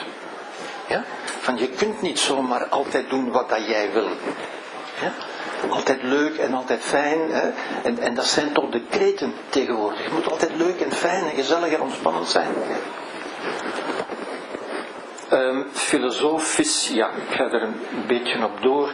Een zorgeloze jeugd, en dat is wat wij vaak willen, ook geven aan onze kinderen, ja, leidt niet zelden tot een moeilijke en moeizame groei naar volwassenheid. En dat, zie, dat hoor ik vaak ook, vaak toch regelmatig, bij volwassen patiënten die dan, die dan achteraf zeggen, ik hoor dat mijn ouders wat strenger waren geweest. Ja? Dat ze het mij wat meer hadden geleerd. Want ze beseffen dan ook. Ja? Niemand wordt een groot zeiler door in een veilige haven te liggen. Ziet u de veilige haven? Dat is weer leuk, fijn, warm, sympathiek, empathisch, al wat u wil. Ja? Maar u leert er niet veel door. En ook, ook, vele, therapeuten zijn zo, de medische wereld is ook vaak zo. Ik noem dat vaak, vaak een knuffeltherapie. Ja? En dat is fijn, dat is aangenaam. Ja? Want, want, want als u dat niet doet, ook dan zeggen mensen natuurlijk heel gemakkelijk hè, van ja meneer, ik zie dat u dat niet begrijpt. Hè. U hebt dat niet meegemaakt wat ik heb meegemaakt. En dat is altijd het cliché waardoor u buitenspel staat. Ja? Dan is het wel gedaan natuurlijk. Ja? Want ze vinden altijd wel een andere die, die meeklaagt en zaagt van hoe werkt het allemaal wel eens enzovoort. Moeilijkheden doen talenten ontwaken die in gemakkelijker tijden onopgemerkt zouden zijn. Ja. Het is in de moeilijkheden en mensen kennen dat ergens wel. Ja. Waar kennen ze dat? Wel bijvoorbeeld in de recreatiesport. Ja. Daar leggen mensen voor zichzelf de lat altijd hoger om te ontdekken ze zeggen niet van nee, ik kan dat niet, ik weet al dat ik dat niet kan uit ervaring. Nee, nee. Ze zeggen ik ga eens kijken hoe ver ik kan. Ja? En het is door dat experiment aan te gaan dat u leert wat u kunt. Ja? U weet dat niet op voorhand. Ja? Falen is een zegening die ons uit onze comfortabele zelfgenoegzaamheid haalt en tot iets nieuws brengt. Ja? De vele mensen die ik zie met faalangst, maar dat is toch dramatisch, dat is tragisch uiteindelijk. Ja? Ik denk dat, dat die faalangst gewoon niet zou bestaan als we aan kinderen het woord falen niet zouden leren. Want falen is een woord dat zo negatief geladen is. Niemand wil dat natuurlijk. Ja? En dat, daarmee kunt u zelf altijd een rem, een blok. Want u weet nooit op voorhand. Ja? Als we nu eens zouden zeggen, al wat er gebeurt is een leerzame verrassing. Ja? Wat er ook gebeurt. Ja? Het is een leerzame verrassing. Ja? Zoals een wetenschapper in het laboratorium, gelijk wat er gebeurt, u kunt er altijd iets van leren. Er bestaat geen falen. Er zijn alleen mensen die bepaalde omstandigheden als falen betitelen. Ja? Ziet u, de, kijk, hoe we het benoemen, de woorden zijn daar echt belangrijk. Ja? En ook dat beseffen we niet genoeg. Juiste beslissingen berusten op ervaring en ervaring berust op foute beslissingen. Zo gezegd fouten. Ja? Oké, ik ga hier, ja, Kierkegaard en Jaspers, ook dat zijn filosofen natuurlijk, zeggen wanhoop en falen brengen ons naar onze essentie. Ja? Dus dat zijn, dat zijn richtingaanwijzers, dat zijn leidraden uiteindelijk. Ja? Geen te vermijden toestanden. Ja? Stuart Mill zei, ik ben liever een ongelukkige Socrates dan een gelukkig varken. Het, gelukkig varken is natuurlijk wat ik het porcratische geluk heb genoemd. Ja? In het begin. Ja? Zegt wat mij niet doodmaakt mij sterker, dat kennen we nu ook al natuurlijk. Maar ziet u, ik toon dat maar om te zeggen dat soort wijsheid is bij ons ook wel aanwezig hè, in de filosofie. Maar dat is niet doorgedrongen tot de mind van de gewone burger, zou ik bijna zeggen. Ja. Levinas zegt het, het is het begin van filosofische en ethische reflectie. Ja. Het is dat. Ja? Want we moeten ervan uitgaan, en, en ook dat is een, een, constatering natuurlijk, geen wetenschappelijke waarheid, maar een constatering dat, dat de mens eigenlijk een beetje zuinig is met zijn denkkracht. Ja? We zijn allemaal energiebewust als het op denken aankomt. Ja? We doen dat zo weinig mogelijk. Eigenlijk. Mensen zeggen ook vaak, hè, ja maar dat is vermoeiend, zeggen ze. Ja? ja? En dat is ook zo. Hè? Bewust over dingen nadenken, dat is ook een, een, vorm van inspanning. Dat is inderdaad zo. Ja? En dus, maar dat wil ook zeggen dat we dat niet doen als we daar niet toe geprikkeld worden. Ja? En het is ook de verstoring, en dat is wat Levinas ook goed begrepen heeft natuurlijk. Het is de ander die ons verstoort door zijn aanwezigheid. Levinas zegt het gelaat, maar dat is de aanwezigheid natuurlijk. Hè? Door zijn bestaan, doordat hij er is. Zet u ons tot denken aan. Die vraag die ik in het begin heb gesteld. Ja? Van wat moet ik aan? Hoe moet ik daarmee omgaan? Ja? Wel, de ander is er ook. Ja? Alain Badiou zei: geluk is het ontdekken van het vermogen iets te doen waartoe men zich niet in staat achtte. En dat is werkelijk een geluk. Ja? Dat is een gelukservaring in de zin dat u daar voelt dat u een groter mens geworden bent. Ja? Dat is ook een beetje de, het nirvana van het boeddhisme natuurlijk. Hè? Dat, dat u begrijpt dat u een groter bewustzijn gekregen bent. Dat u groter geworden bent uiteindelijk. Ja? Goed, we gaan. Uh, Boeddha zei: alle lijden is een gevolg van onwetendheid. Dat is een hele straffe natuurlijk. Ja. En dat is ook zo die eenvoudig lijkt, maar die we nooit diep genoeg kunnen doordenken, denk ik. Ja. En ik denk hoe dieper we die doordenken, hoe meer we zien, ja, dat is inderdaad zo. Ja. Niets doet ons lijden. Ja. Het zijn wij die, die lijden door het niet aanvaarden wat er is. Ja. Seneca, het zijn niet de gebeurtenissen die ons doen lijden, maar onze reactie erop. Ja. Rumi zei, de wonde is de plaats waar het licht binnenkomt. En men schrijft dat tegenwoordig toe aan, um, aan Cohen. Ja. Maar het komt eigenlijk van Rumi. Hè. Rumi is de Perzische dichter uit de 13e eeuw, alstublieft. Ja. Die dat soort dingen al schreef. Ja. Tolle, um, Gibran Tolle zei, je lijdt tot je begrepen hebt dat lijden niet nodig is. Ja? Als u daar geen glimlach van krijgt, dan hebt u het nog niet goed begrepen natuurlijk. Hè? Ja?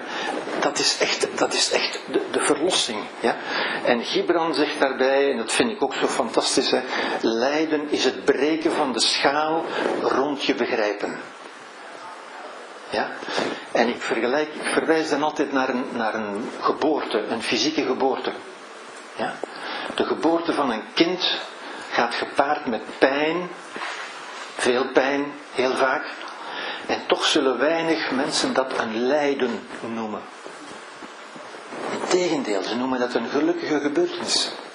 Alhoewel dat veel pijn doet. Ja? En, en dat is het verschil, het onderscheid tussen pijn en lijden bijvoorbeeld. Ja? Lijden is alleen maar pijn die we niet aanvaarden. Waar we zeggen dat mag niet. Ja? Maar bij geboorte aanvaarden we die wel. En gemakkelijk, want er is een nieuw leven. Ja? Dat nieuwe leven maakt het gemakkelijk om te aanvaarden. Wil dat zeggen dat er geen pijn was? Nee, er was natuurlijk pijn. Maar die pijn wordt aanvaard. En dat aanvaarden is, we maken er geen lijden van. Het lijden is het niet aanvaarden van die pijn. Wat we vaak kunnen zien bij mensen die, die ook pijn hebben, pijn is reëel. Ja? Maar als men dat niet kan aanvaarden, voegt men daar een lijden aan toe. Lijden is altijd wat we toevoegen aan de dingen. Ja? Dat is wat wij als mens doen. Lijden is reëel. Ja? Dus is min of meer objectief.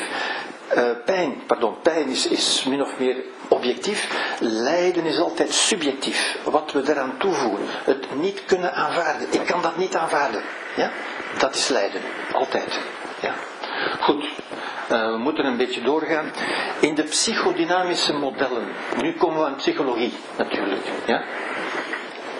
Dit is waar veel mensen zich zullen op, op beroepen, overigens. Ja? Worden verstoringen, die we dan trauma's kunnen noemen, die, die bij de geboorte of soms al voor de geboorte kunnen zijn, prenataal, die seksueel, fysiek, affectief kunnen zijn, alles wat ons kan verstoren. Ja?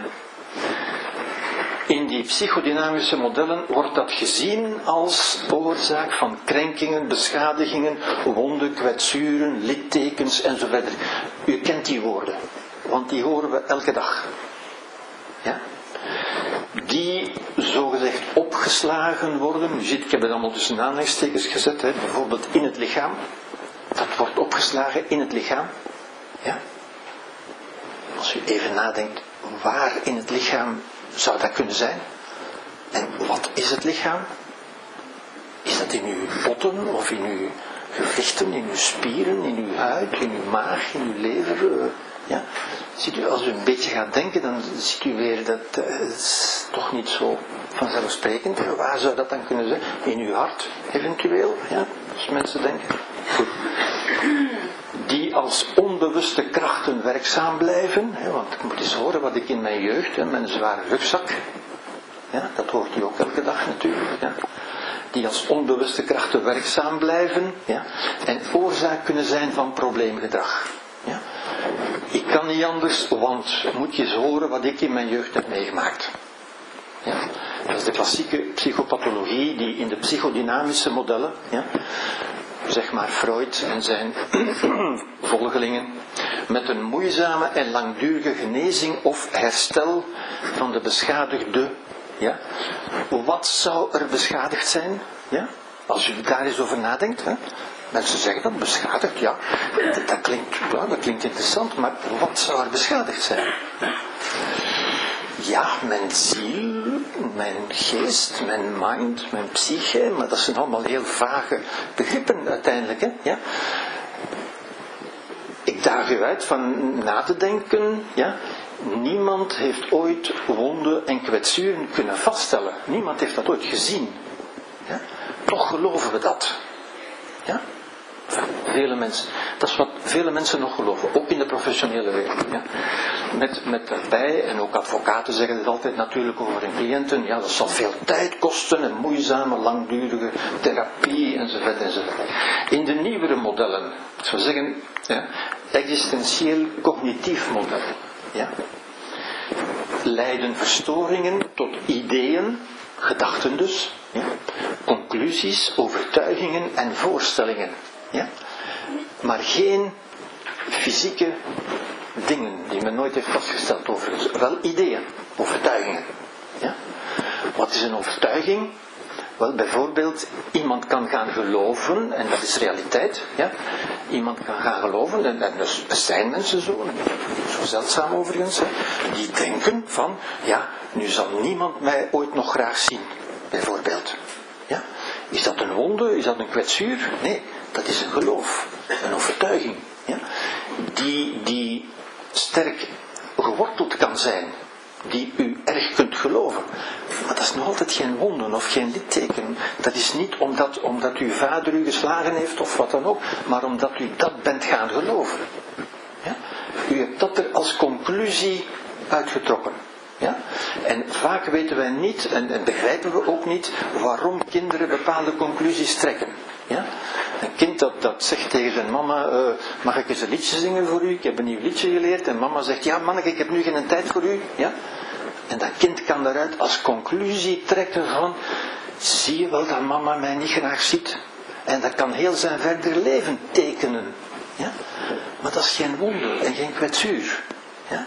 En, en die mama heeft het ook niet uh, zo bedoeld natuurlijk, hè? maar dat, is, dat, dat, maakt voor dat kind niks uit hoe de mama dat bedoeld heeft. Hij heeft het zo gehoord.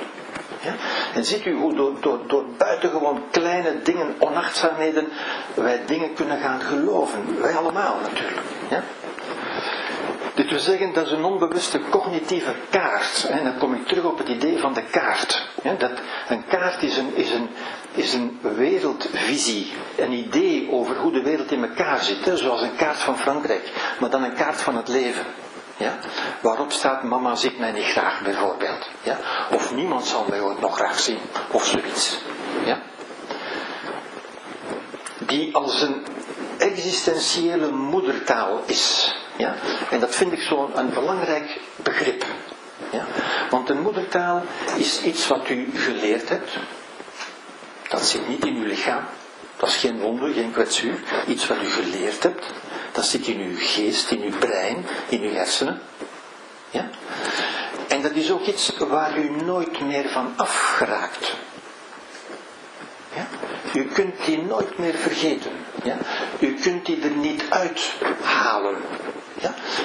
En, en, dat is wat veel mensen ook willen, ook in therapie natuurlijk. Hè. Ik, ik, wil dat, ik wil dat weg. Ik wil daar niet meer aan denken. Dat is het enige wat niet kan. Ja? Wij kunnen er niets, wij hebben geen chirurgie om dat eruit te halen. Ja? Wat, wat er ingekomen is, kan er niet meer uit. Ja? Waarvan we ons niet bewust zijn, ja? En dat zit dus, het, woord, het woordje taal, het begrip taal is ook zo belangrijk. Ik, hoop, ik heb het al een paar keer geïllustreerd natuurlijk, hoe we de dingen benoemen. Ja? Als u een bepaalde gebeurtenis, en ik zeg nu gebeurtenis, dat is een zo neutraal mogelijk woord, denk ik, ja? zoals er weinig zijn. Ja? Maar als u een bepaalde gebeurtenis kwalifieert, als u dat benoemt met woorden als falen bijvoorbeeld, dan induceert u daardoor een ervaring bij uzelf. Niet die gebeurtenis, wel hoe u het benoemt. En dat is uw moedertaal.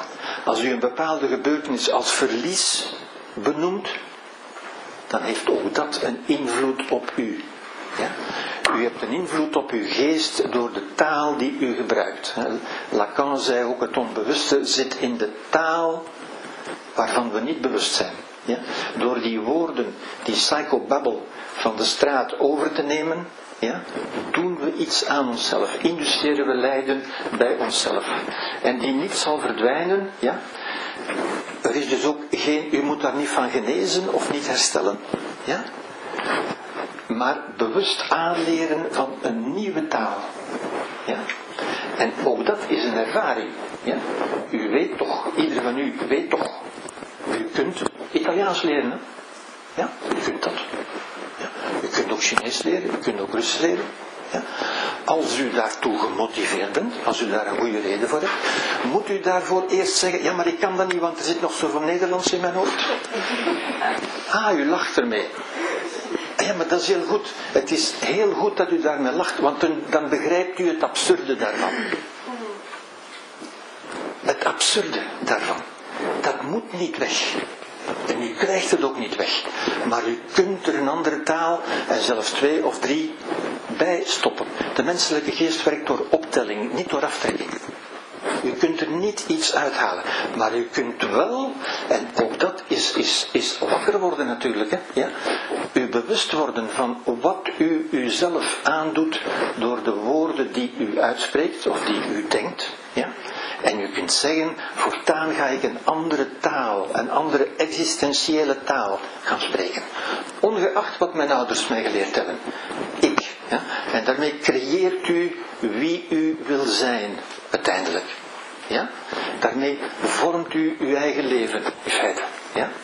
De geest is bovendien veel soepeler dan het lichaam. Ja?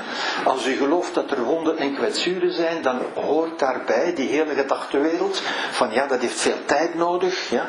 en dat kan verkeerd groeien, en dat kan slecht dichtgroeien, en dat kan littekens nalaten. Maar de geest is veel soepeler. Ja? De geest wordt veel meer gestuurd door motivatie. Ja? Als u gemotiveerd bent, dan leert u heel snel. Ja? Als u niet gemotiveerd bent, dan leert u niet. Dat zijn reële feiten natuurlijk. Ja. Sartre zegt daarom ook, de, wat ik nu zeg is, past een beetje in de existentiële filosofie. Ja. De existentiële filosofie die zegt, ja, er is geen essentie in u die gekwetst of gewond of wat dan ook kan worden. Nee, het is door uw existentie, door wat u doet, dat u een essentie creëert. U creëert uzelf. Ja? En dat is een ongelooflijk bevrijdende gedachte natuurlijk. Ja? Als u dacht dat u, dat u wonden en kwetsuren had, of dat u een rugzak had, ja? dan is het goede nieuws, die rugzak is er niet. Het verleden heeft geen gewicht. Het verleden is er ook niet meer. Het kan u ook niet meer beïnvloeden. Ja? Wat u alleen kan beïnvloeden is uw gedachte nu over het verleden. Hoe u er nu over denkt. En u kunt er nu over denken op een manier die u nu doet lijden, maar dat is niet het verleden, dat is wat u nu denkt natuurlijk. Ja? Goed. hoe laat moeten we stoppen? Eigenlijk uh, ruim de tijd nog tot tien voor vijf. Ah ja, oké, oké.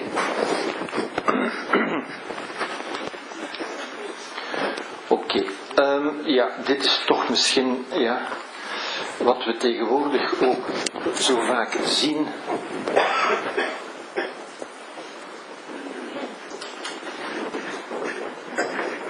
Ook in de pers, ook in naam van de menselijkheid en van empathie en zo verder. Ja. Van vele dingen die gebeuren, die gewoon tot het leven behoren. Ja. Door die te bestempelen als trauma of verlies bijvoorbeeld. Ja.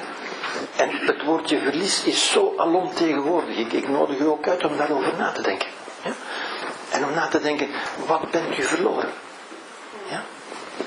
En als u eventjes verder nadenkt, hè, dan kunt u toch begrijpen, het woordje verlies kan alleen een plaats hebben in een kinderlijk denken dat denkt van alles wat er is en, en die personen rondom mij, die zijn mijn eigendom.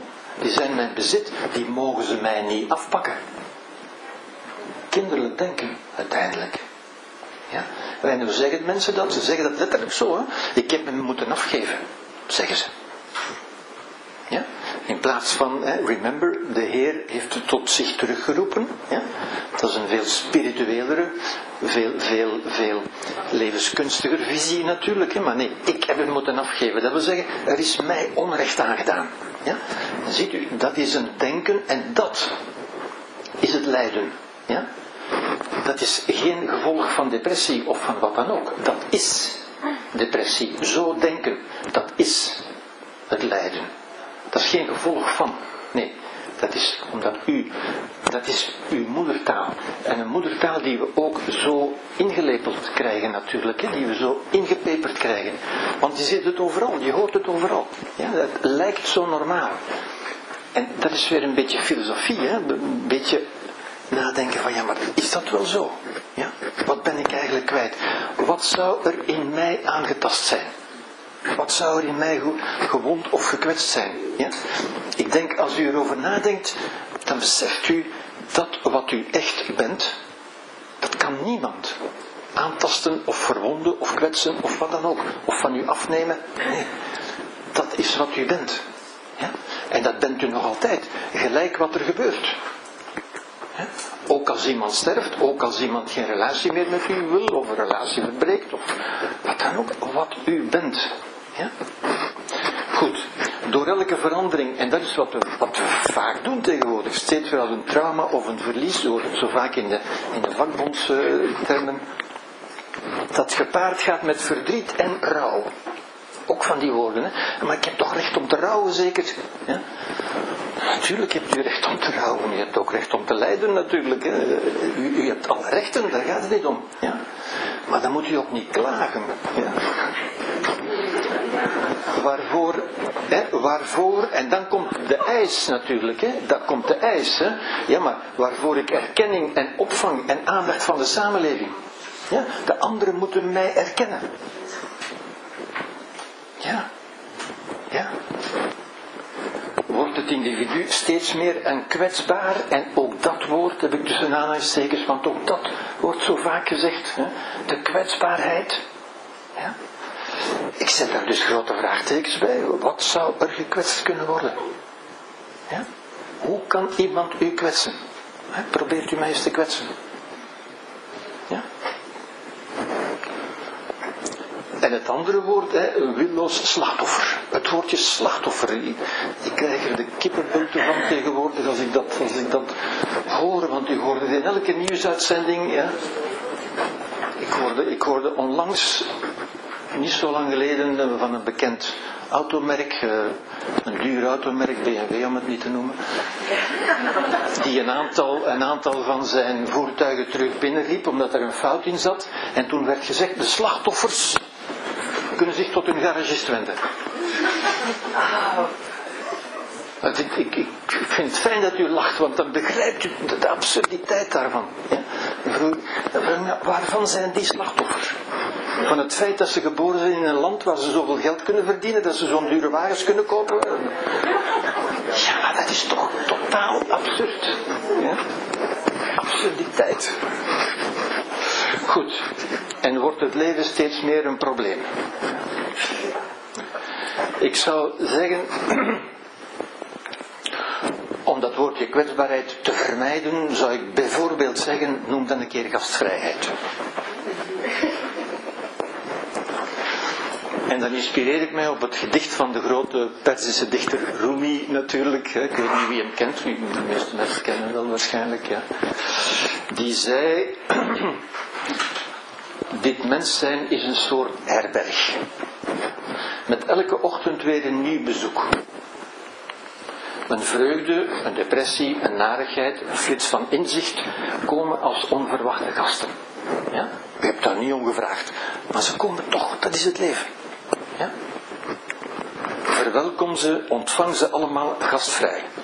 Zelfs als er een menigte verdriet binnenstormt die met geweld je hele huisraad vernielt,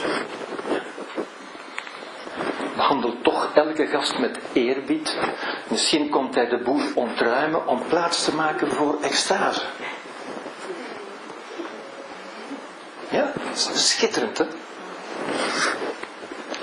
De donkere gedachte, de schaamte, het venijn ontmoet ze bij de voordeur met een brede grijns en vraagt ze om erbij te komen zitten.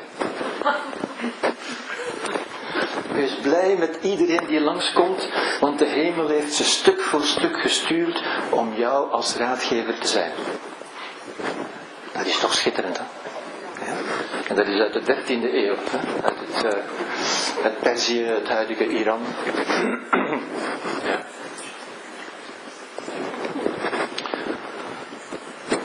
Um, ik weet niet of ik het net getoond heb. Uh, Kale Gibran zei ook lijden is het breken van de schaal rond uw begrijpen. Ja? Zoals bij een geboorte. Ja? Lijden kun je ook zien als, als een nieuwe geboorte. Als we het zo zouden zien. Ja? Wat wordt er geboren? Wel, een nieuw inzicht. Ja? Dit inzicht bijvoorbeeld, of het inzicht van Tolle, of, of wat dan ook. Het, het nieuwe inzicht. Ja? Tolle die zegt, je lijdt tot je begrijpt dat lijden niet nodig is. Je hoeft niet te lijden. Ja? Het is toch een ongelofelijke boodschap voor wie dat tot zich neemt. Ja? Waarom is dat voor ons zo moeilijk? Voor een stuk denk ik omdat, omdat onze moedertaal, dat wil zeggen de, de psychoblabla die we opgeletteld hebben, ja, dat die ons zegt, ja maar als dat gebeurt, dan hoor je te lijden. Want dat is een lijden, zeggen ze. Nee, dat is niet een lijden. Geen enkele gebeurtenis is een lijden. Maar u kunt er een lijden van maken. Tot u begrepen hebt dat lijden niet nodig is. Tot u dus, met andere woorden, hè, om, om, om, mijn aanwezigheid nog een beetje te rechtvaardigen hier, tot u tot vrede komt. Want dat is de vrede. Ja? Vrede is het aanvaarden ook het aanvaarden van de andere mensen. Aanvaarden dat die anders denken, dat die een andere logica hebben. Ja? Maar dat dat geen slechte mensen zijn. Dat zijn mensen die, met een andere moedertaal, met een andere existentiële moedertaal. Ja? Basis van mededogen, basis van, van geweldloze communicatie, basis van vrede ook. Ja? Goed. Um, Hier ga ik een beetje door, want we hebben er geen tijd meer voor. Ik wil komen tot. Um, tot. Um, ja, ik moet veel overslaan. Tot dit. Tot dit wil ik komen. Ja. Ik wil, ik wil u nog, om, om af te sluiten, de tijd is, is gebruikt. Ik zie nu, is bijna al vijf. Ja. Dus als je misschien mensen gelegenheid Ik wil dat zeker, ja. Zo'n parkeertje, Ja. maar je moet maar zien. Hè. Ik moet maar zien.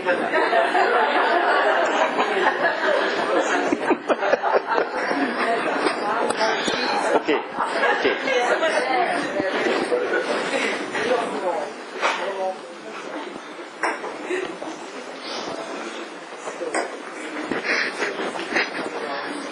Ik wil nog even, dit is een filosofische kaart uiteindelijk. Ik wil die nog even met u doorlopen. Ja. Er komen een aantal dingen terug. Bijvoorbeeld, het is een existentieel model, nogmaals dus geen wetenschappelijk model, een filosofisch en existentieel model, ja.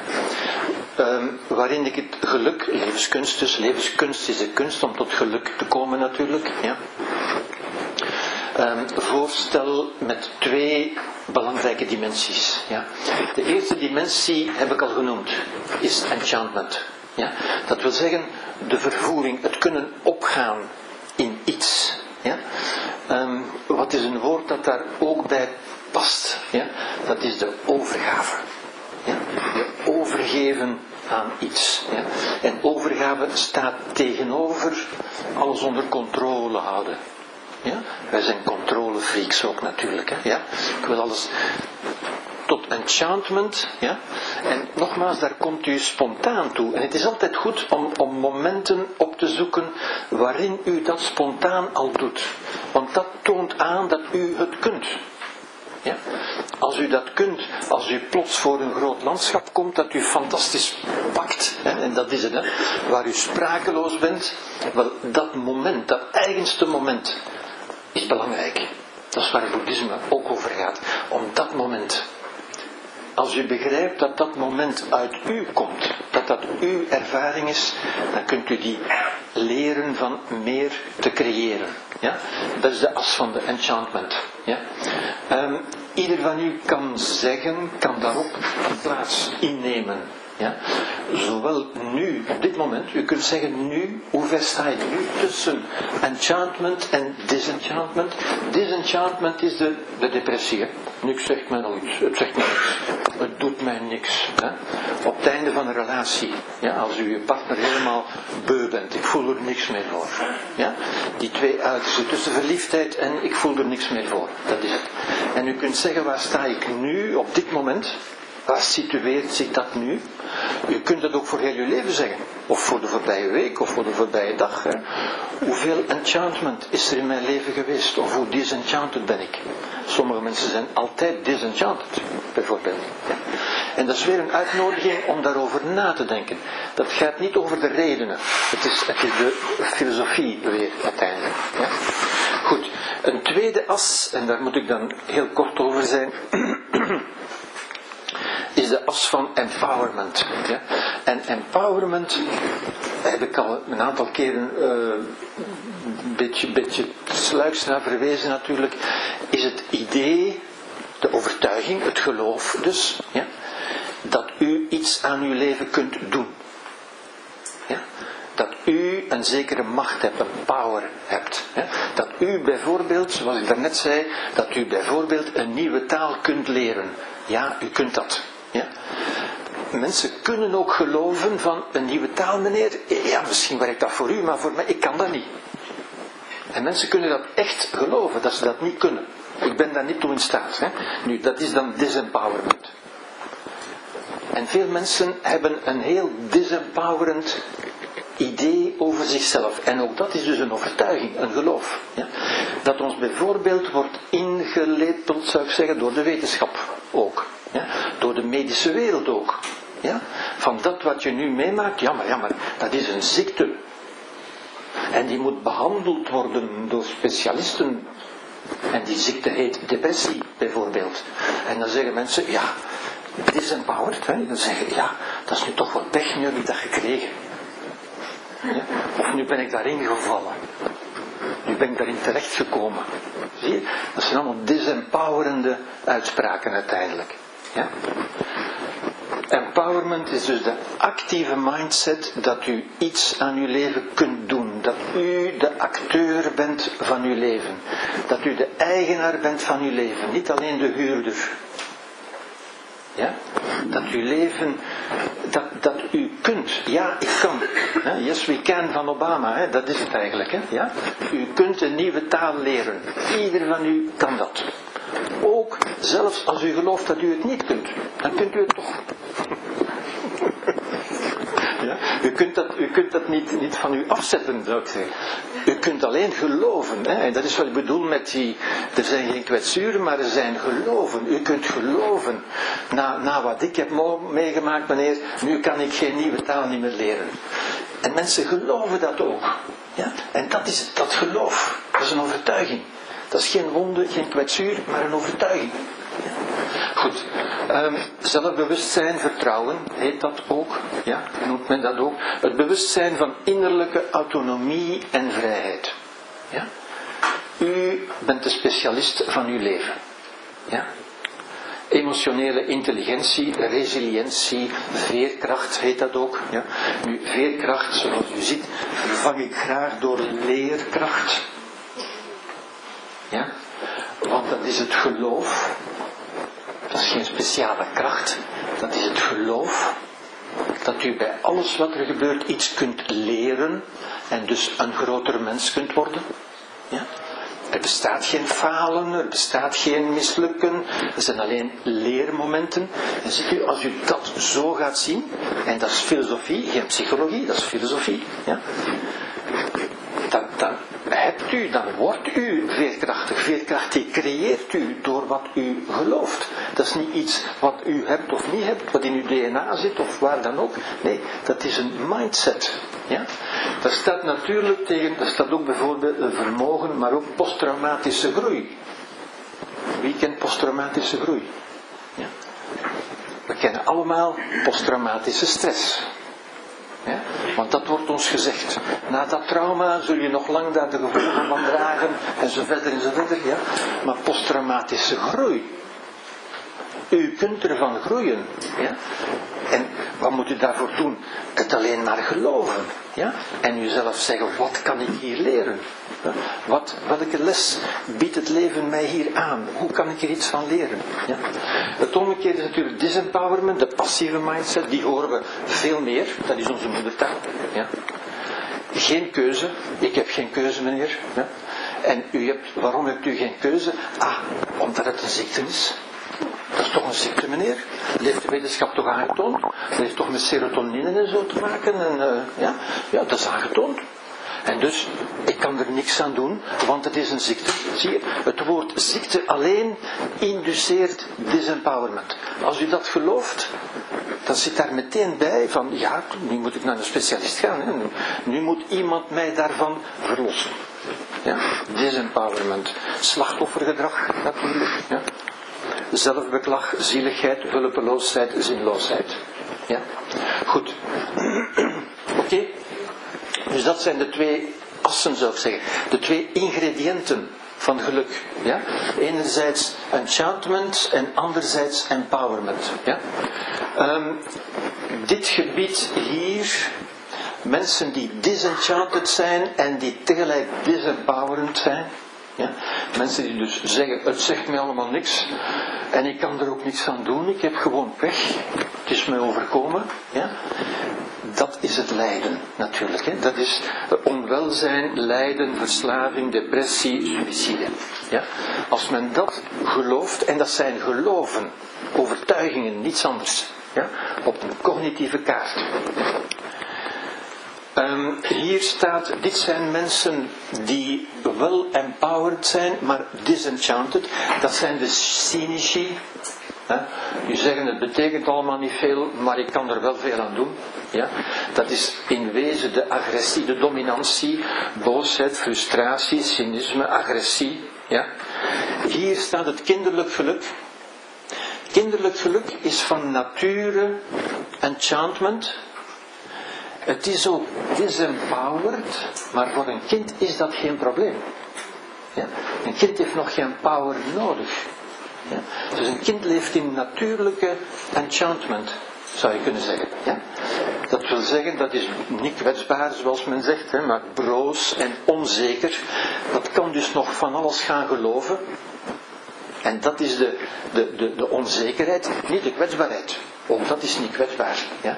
Maar u kunt er wel van alles in stoppen dat nadelige gevolgen zal hebben natuurlijk. Ja? Hier staat het volwassen geluk. Het volwassen geluk heeft te maken met levenskunst, enthousiasme, ja? liefde, mededogen, vrede, zinvolheid. Dat zijn de woorden die bij volwassen geluk passen. Ja? En dan kunnen we zeggen, ons leven begint voor ieder van ons hier wij gaan allemaal naar hier, diverse manieren, met, via diverse omstandigheden en, en argumenten enzovoort.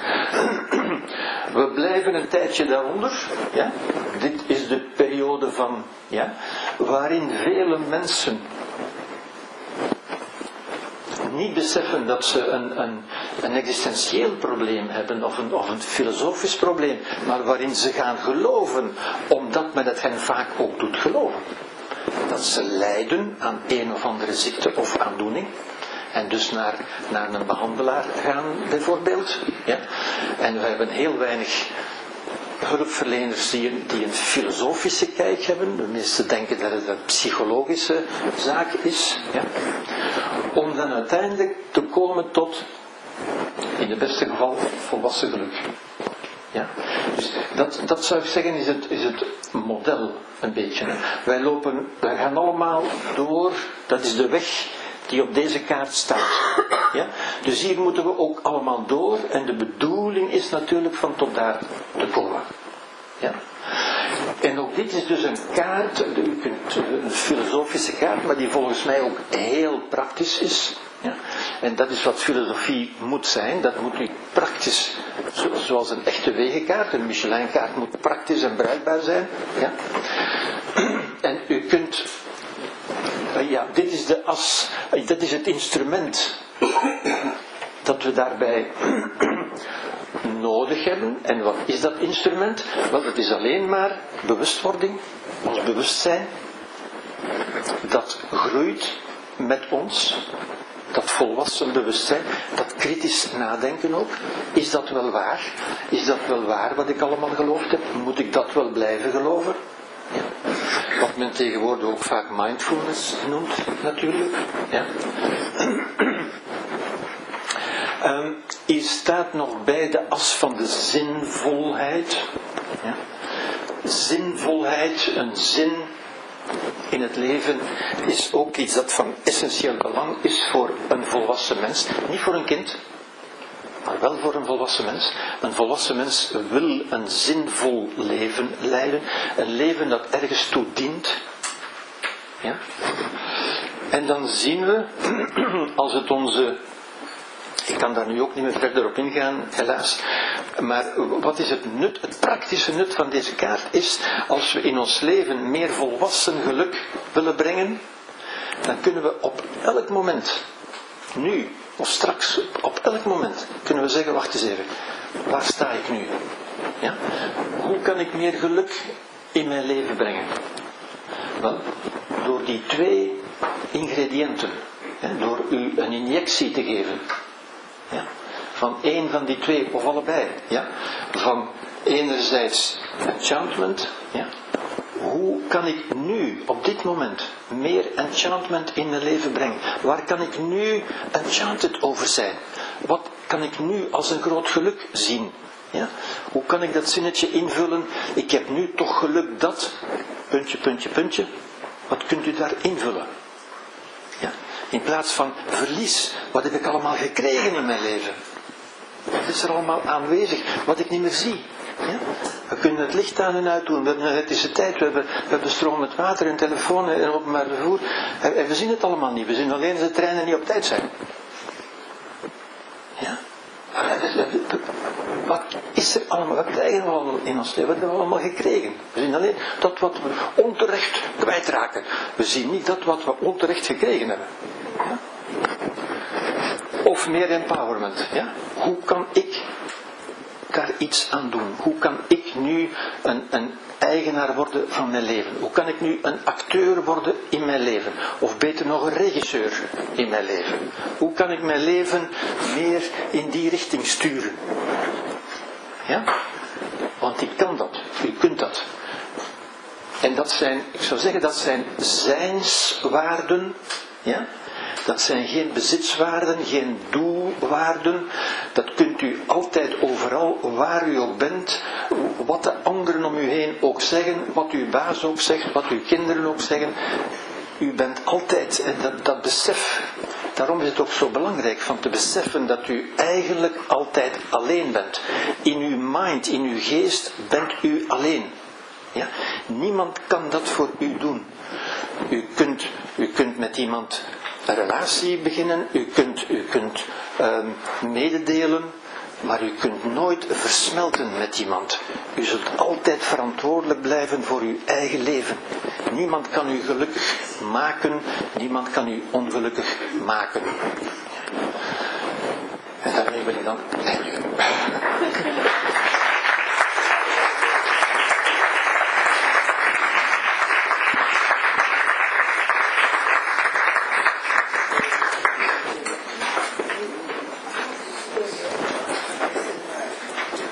Hebben we nog tijd voor een paar vragen? Ja, dat wou ik je voor stellen, ja. Ja. Hey, ja. u- We hebben nog een klein kwartier. Oeh, oh. Dat schiet. Oh, nog een zee van tijd. Ja. ja. Nou, ehm, een depressie, dat zou dus een gevolg zijn van Nee. een passieve mindset. Ehm, maar ik heb nog Nee. vragen stellen. Ja, ja. Oké, het is nu zo. Maar stel, iemand heeft nu biologisch, met die neuroreceptoren, die neigen tot depressie. Soms. Dat kan wel in de loop van het leven, ja, ik ben het niet. Maar ehm, dat kan in de loop van het leven wel ja. ergens eindelijk gevonden worden. En zo. Nee. Maar hoe, hoe zit dat? Nee. Want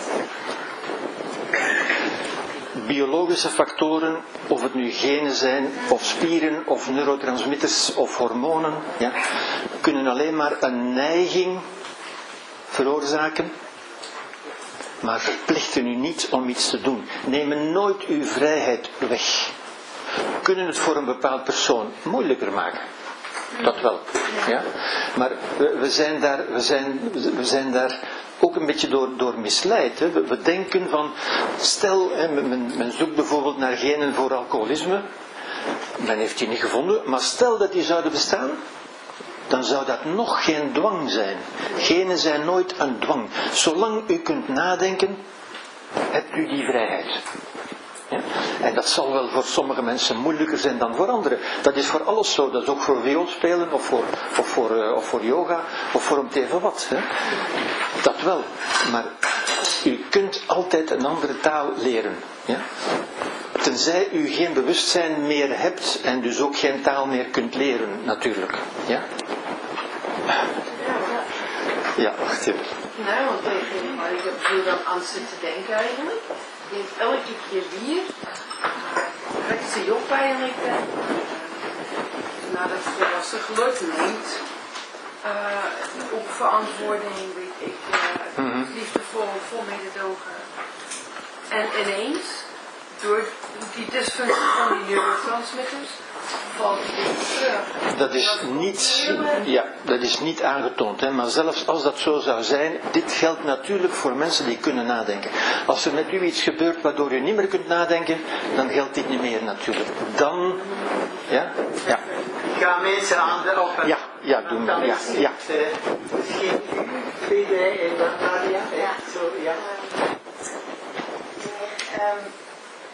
Ik kom nu door mijn cognitieve skills, hè, tot ik inzicht dat als ik de taal van een arts anders ehm kwalifieer, dat ik niet de verstoorde reiziger hoef te zijn.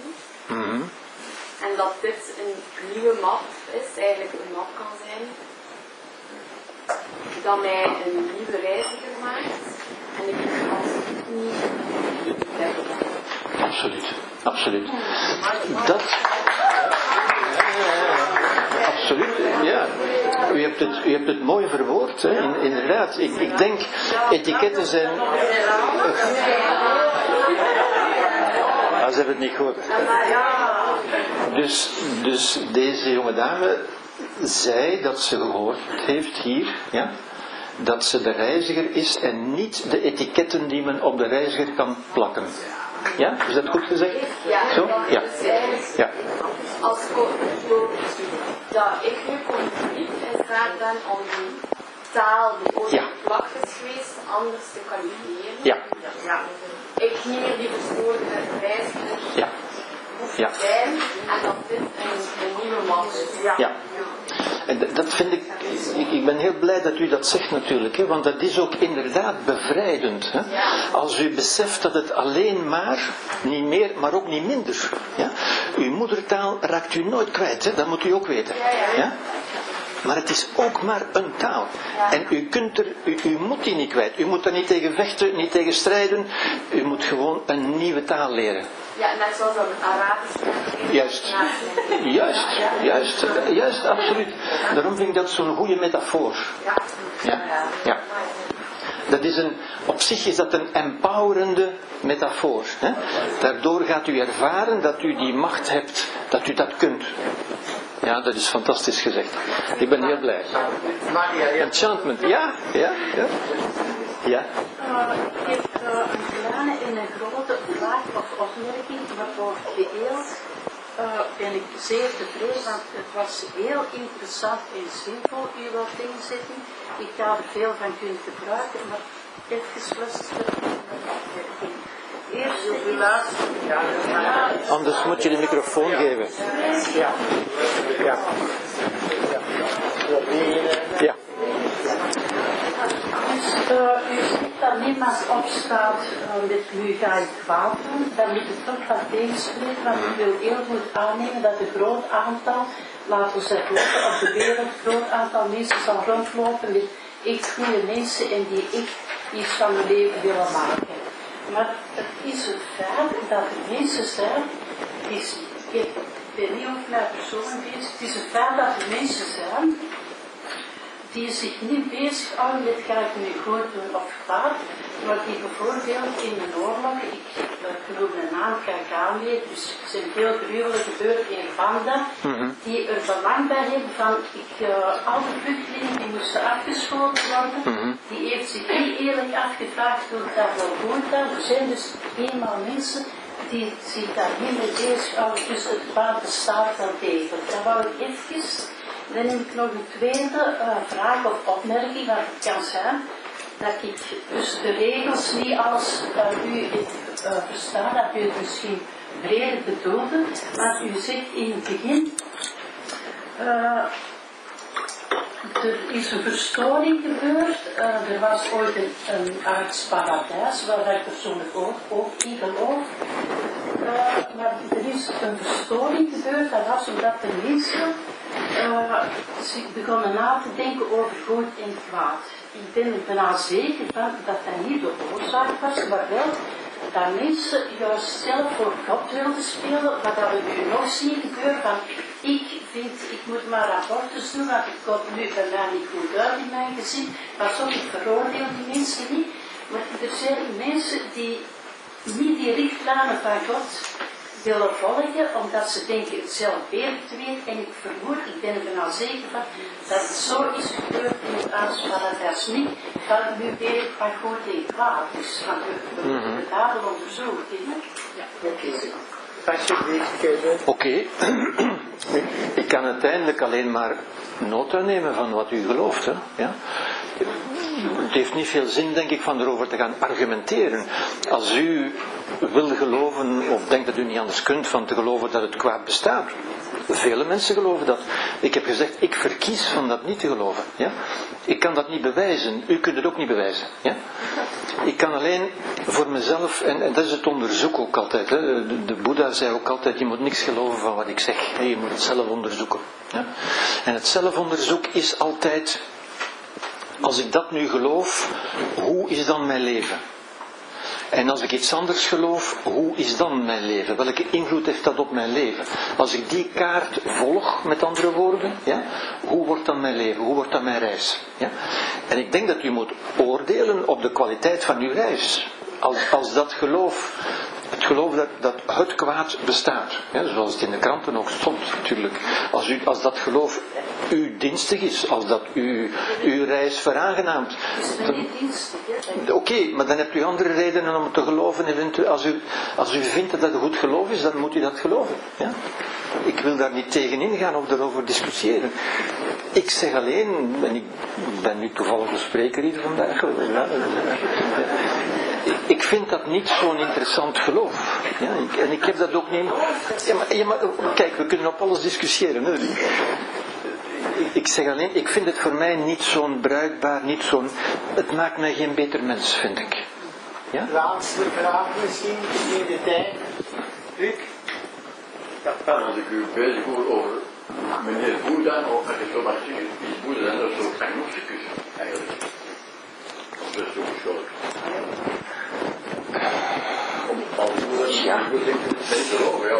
Ja. Maar dan gaan we weer... Ik denk, etiketten zijn goed voor jampotjes, maar niet voor mensen.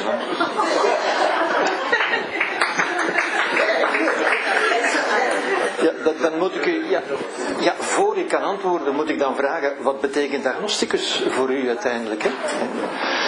Ik, ik denk dat de, de Boeddha was een grote wijze in mijn ogen. Ja? Ook omdat hij absoluut niet autoritair was. Hij zei, wat ik net heb gezegd, hij zei, je moet mij absoluut niet geloven. Je moet niks geloven wat ik zeg. Ja? Onderzoek het voor jezelf. Ja? Dat vind ik een grote wijsheid. En het onderzoek is, en hij heeft dat ook getoond, het onderzoek is, als ik dat nu geloof, als ik die kaart, dat is uiteindelijk een kaart, een cognitieve kaart. Ja? U kunt niet bewijzen dat het waar is, en ook niet, hè, mevrouw kan ook niet bewijzen dat het waar is, of niet. Hè? Het is alleen als ik die kaart gebruik, hoe wordt dan mijn reis? Ik denk dat dat het enige existentiële criterium is. Hè. We kunnen daarover geen wetenschappelijke en zelfs geen filosofische discussie opzetten. Hè. Ik zou alleen ieder van u uitnodigen van na te gaan, als ik, als ik nu eens zou doen, als ook dat wat die tip daar zegt, dat dat waar is. Hè. Hoe zou mijn leven dan zijn? En de vraag is, zou, denkt u dat uw leven dan beter zou zijn of minder goed? Als u denkt dat het beter is, dan neemt u het mee. Als u denkt, nee, dat is minder goed, dan laat u het liggen. Ja? Ja. Uh, nog geen praktische mededeling en dan ga ik afronden, want ik zie geen vraag meer. Hè. Uh, het is de gewoonte voor mensen die het nog niet weten, dat wij elke sessie eigenlijk evalueren. Vandaar zijn dus uh, papieren rondbedeeld. Die worden dan gesynthetiseerd en die komen op onze stuurgroepvergadering. En daar trekken wij dan ook de nodige lessen uit. Hè. Dit gezegd zijnde, uh, eventjes toch ja, een klein metafoor of beeld wat mij zeer gelegen komt. U kent wellicht het verhaal, maar de mensen denken niet van die kikker die in een diepe put gezeten was. Er was eens een kikker en die zat in een diepe put. En die stelde zich eigenlijk de vraag naar de oceaan. En hij kon daar niet uit, hè, want hij was te klein en die put was te groot. Nu denk ik eigenlijk, Gilbert, dat u onze stukje van de oceaan hebt getoond. Waarvoor heel veel dank. Dank u wel. Ah ja, sorry, dat heb ik niet gezien. Maar Gilbert, daar kan u zelf iets over zeggen. Ja, wel, de dag van het geluk is een dag die wij, wij, dat is de Academie voor Levenskunst, dat ben ik niet alleen natuurlijk, en wij organiseren elk jaar een dag van het geluk in Leuven, dit jaar op 15, uh, 15 april, in de promotiezaal van de KU Leuven, waar een aantal lezingen plaatsvinden um, over levenskunst en over geluk. En dit jaar is dat, je kunt lezen, is dat professor Roze, professor Vergoten, die allebei hoogleraren zijn in de filosofie natuurlijk. Um, Katrien Ongena, die antropologe en cultuurwetenschapster is en carrière als journaliste, kent ze eigenlijk wel.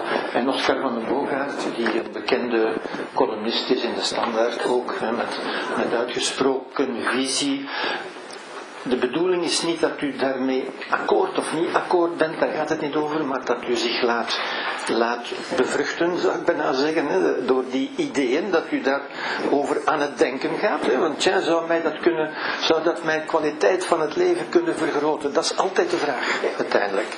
Ja? Oké, okay, u bent erop natuurlijk van harte uitgenodigd allemaal. Ja. Voilà. Uh, is dat ook een volgende? Ja.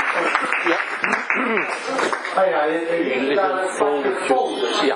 ja. Voor mensen die echt geïnteresseerd zijn en ook de boeken bij Gilbert gedaan. U ziet ja. maar allemaal wel thuis en hopelijk tot de volgende week. wellicht gaan wij volgende week een nieuw lokaal hebben, hè. Maar ik zal weer op wacht staan om u... Ja, uiteraard, uiteraard. hè. Maar ik duim ervoor dat we ons oude eh, aula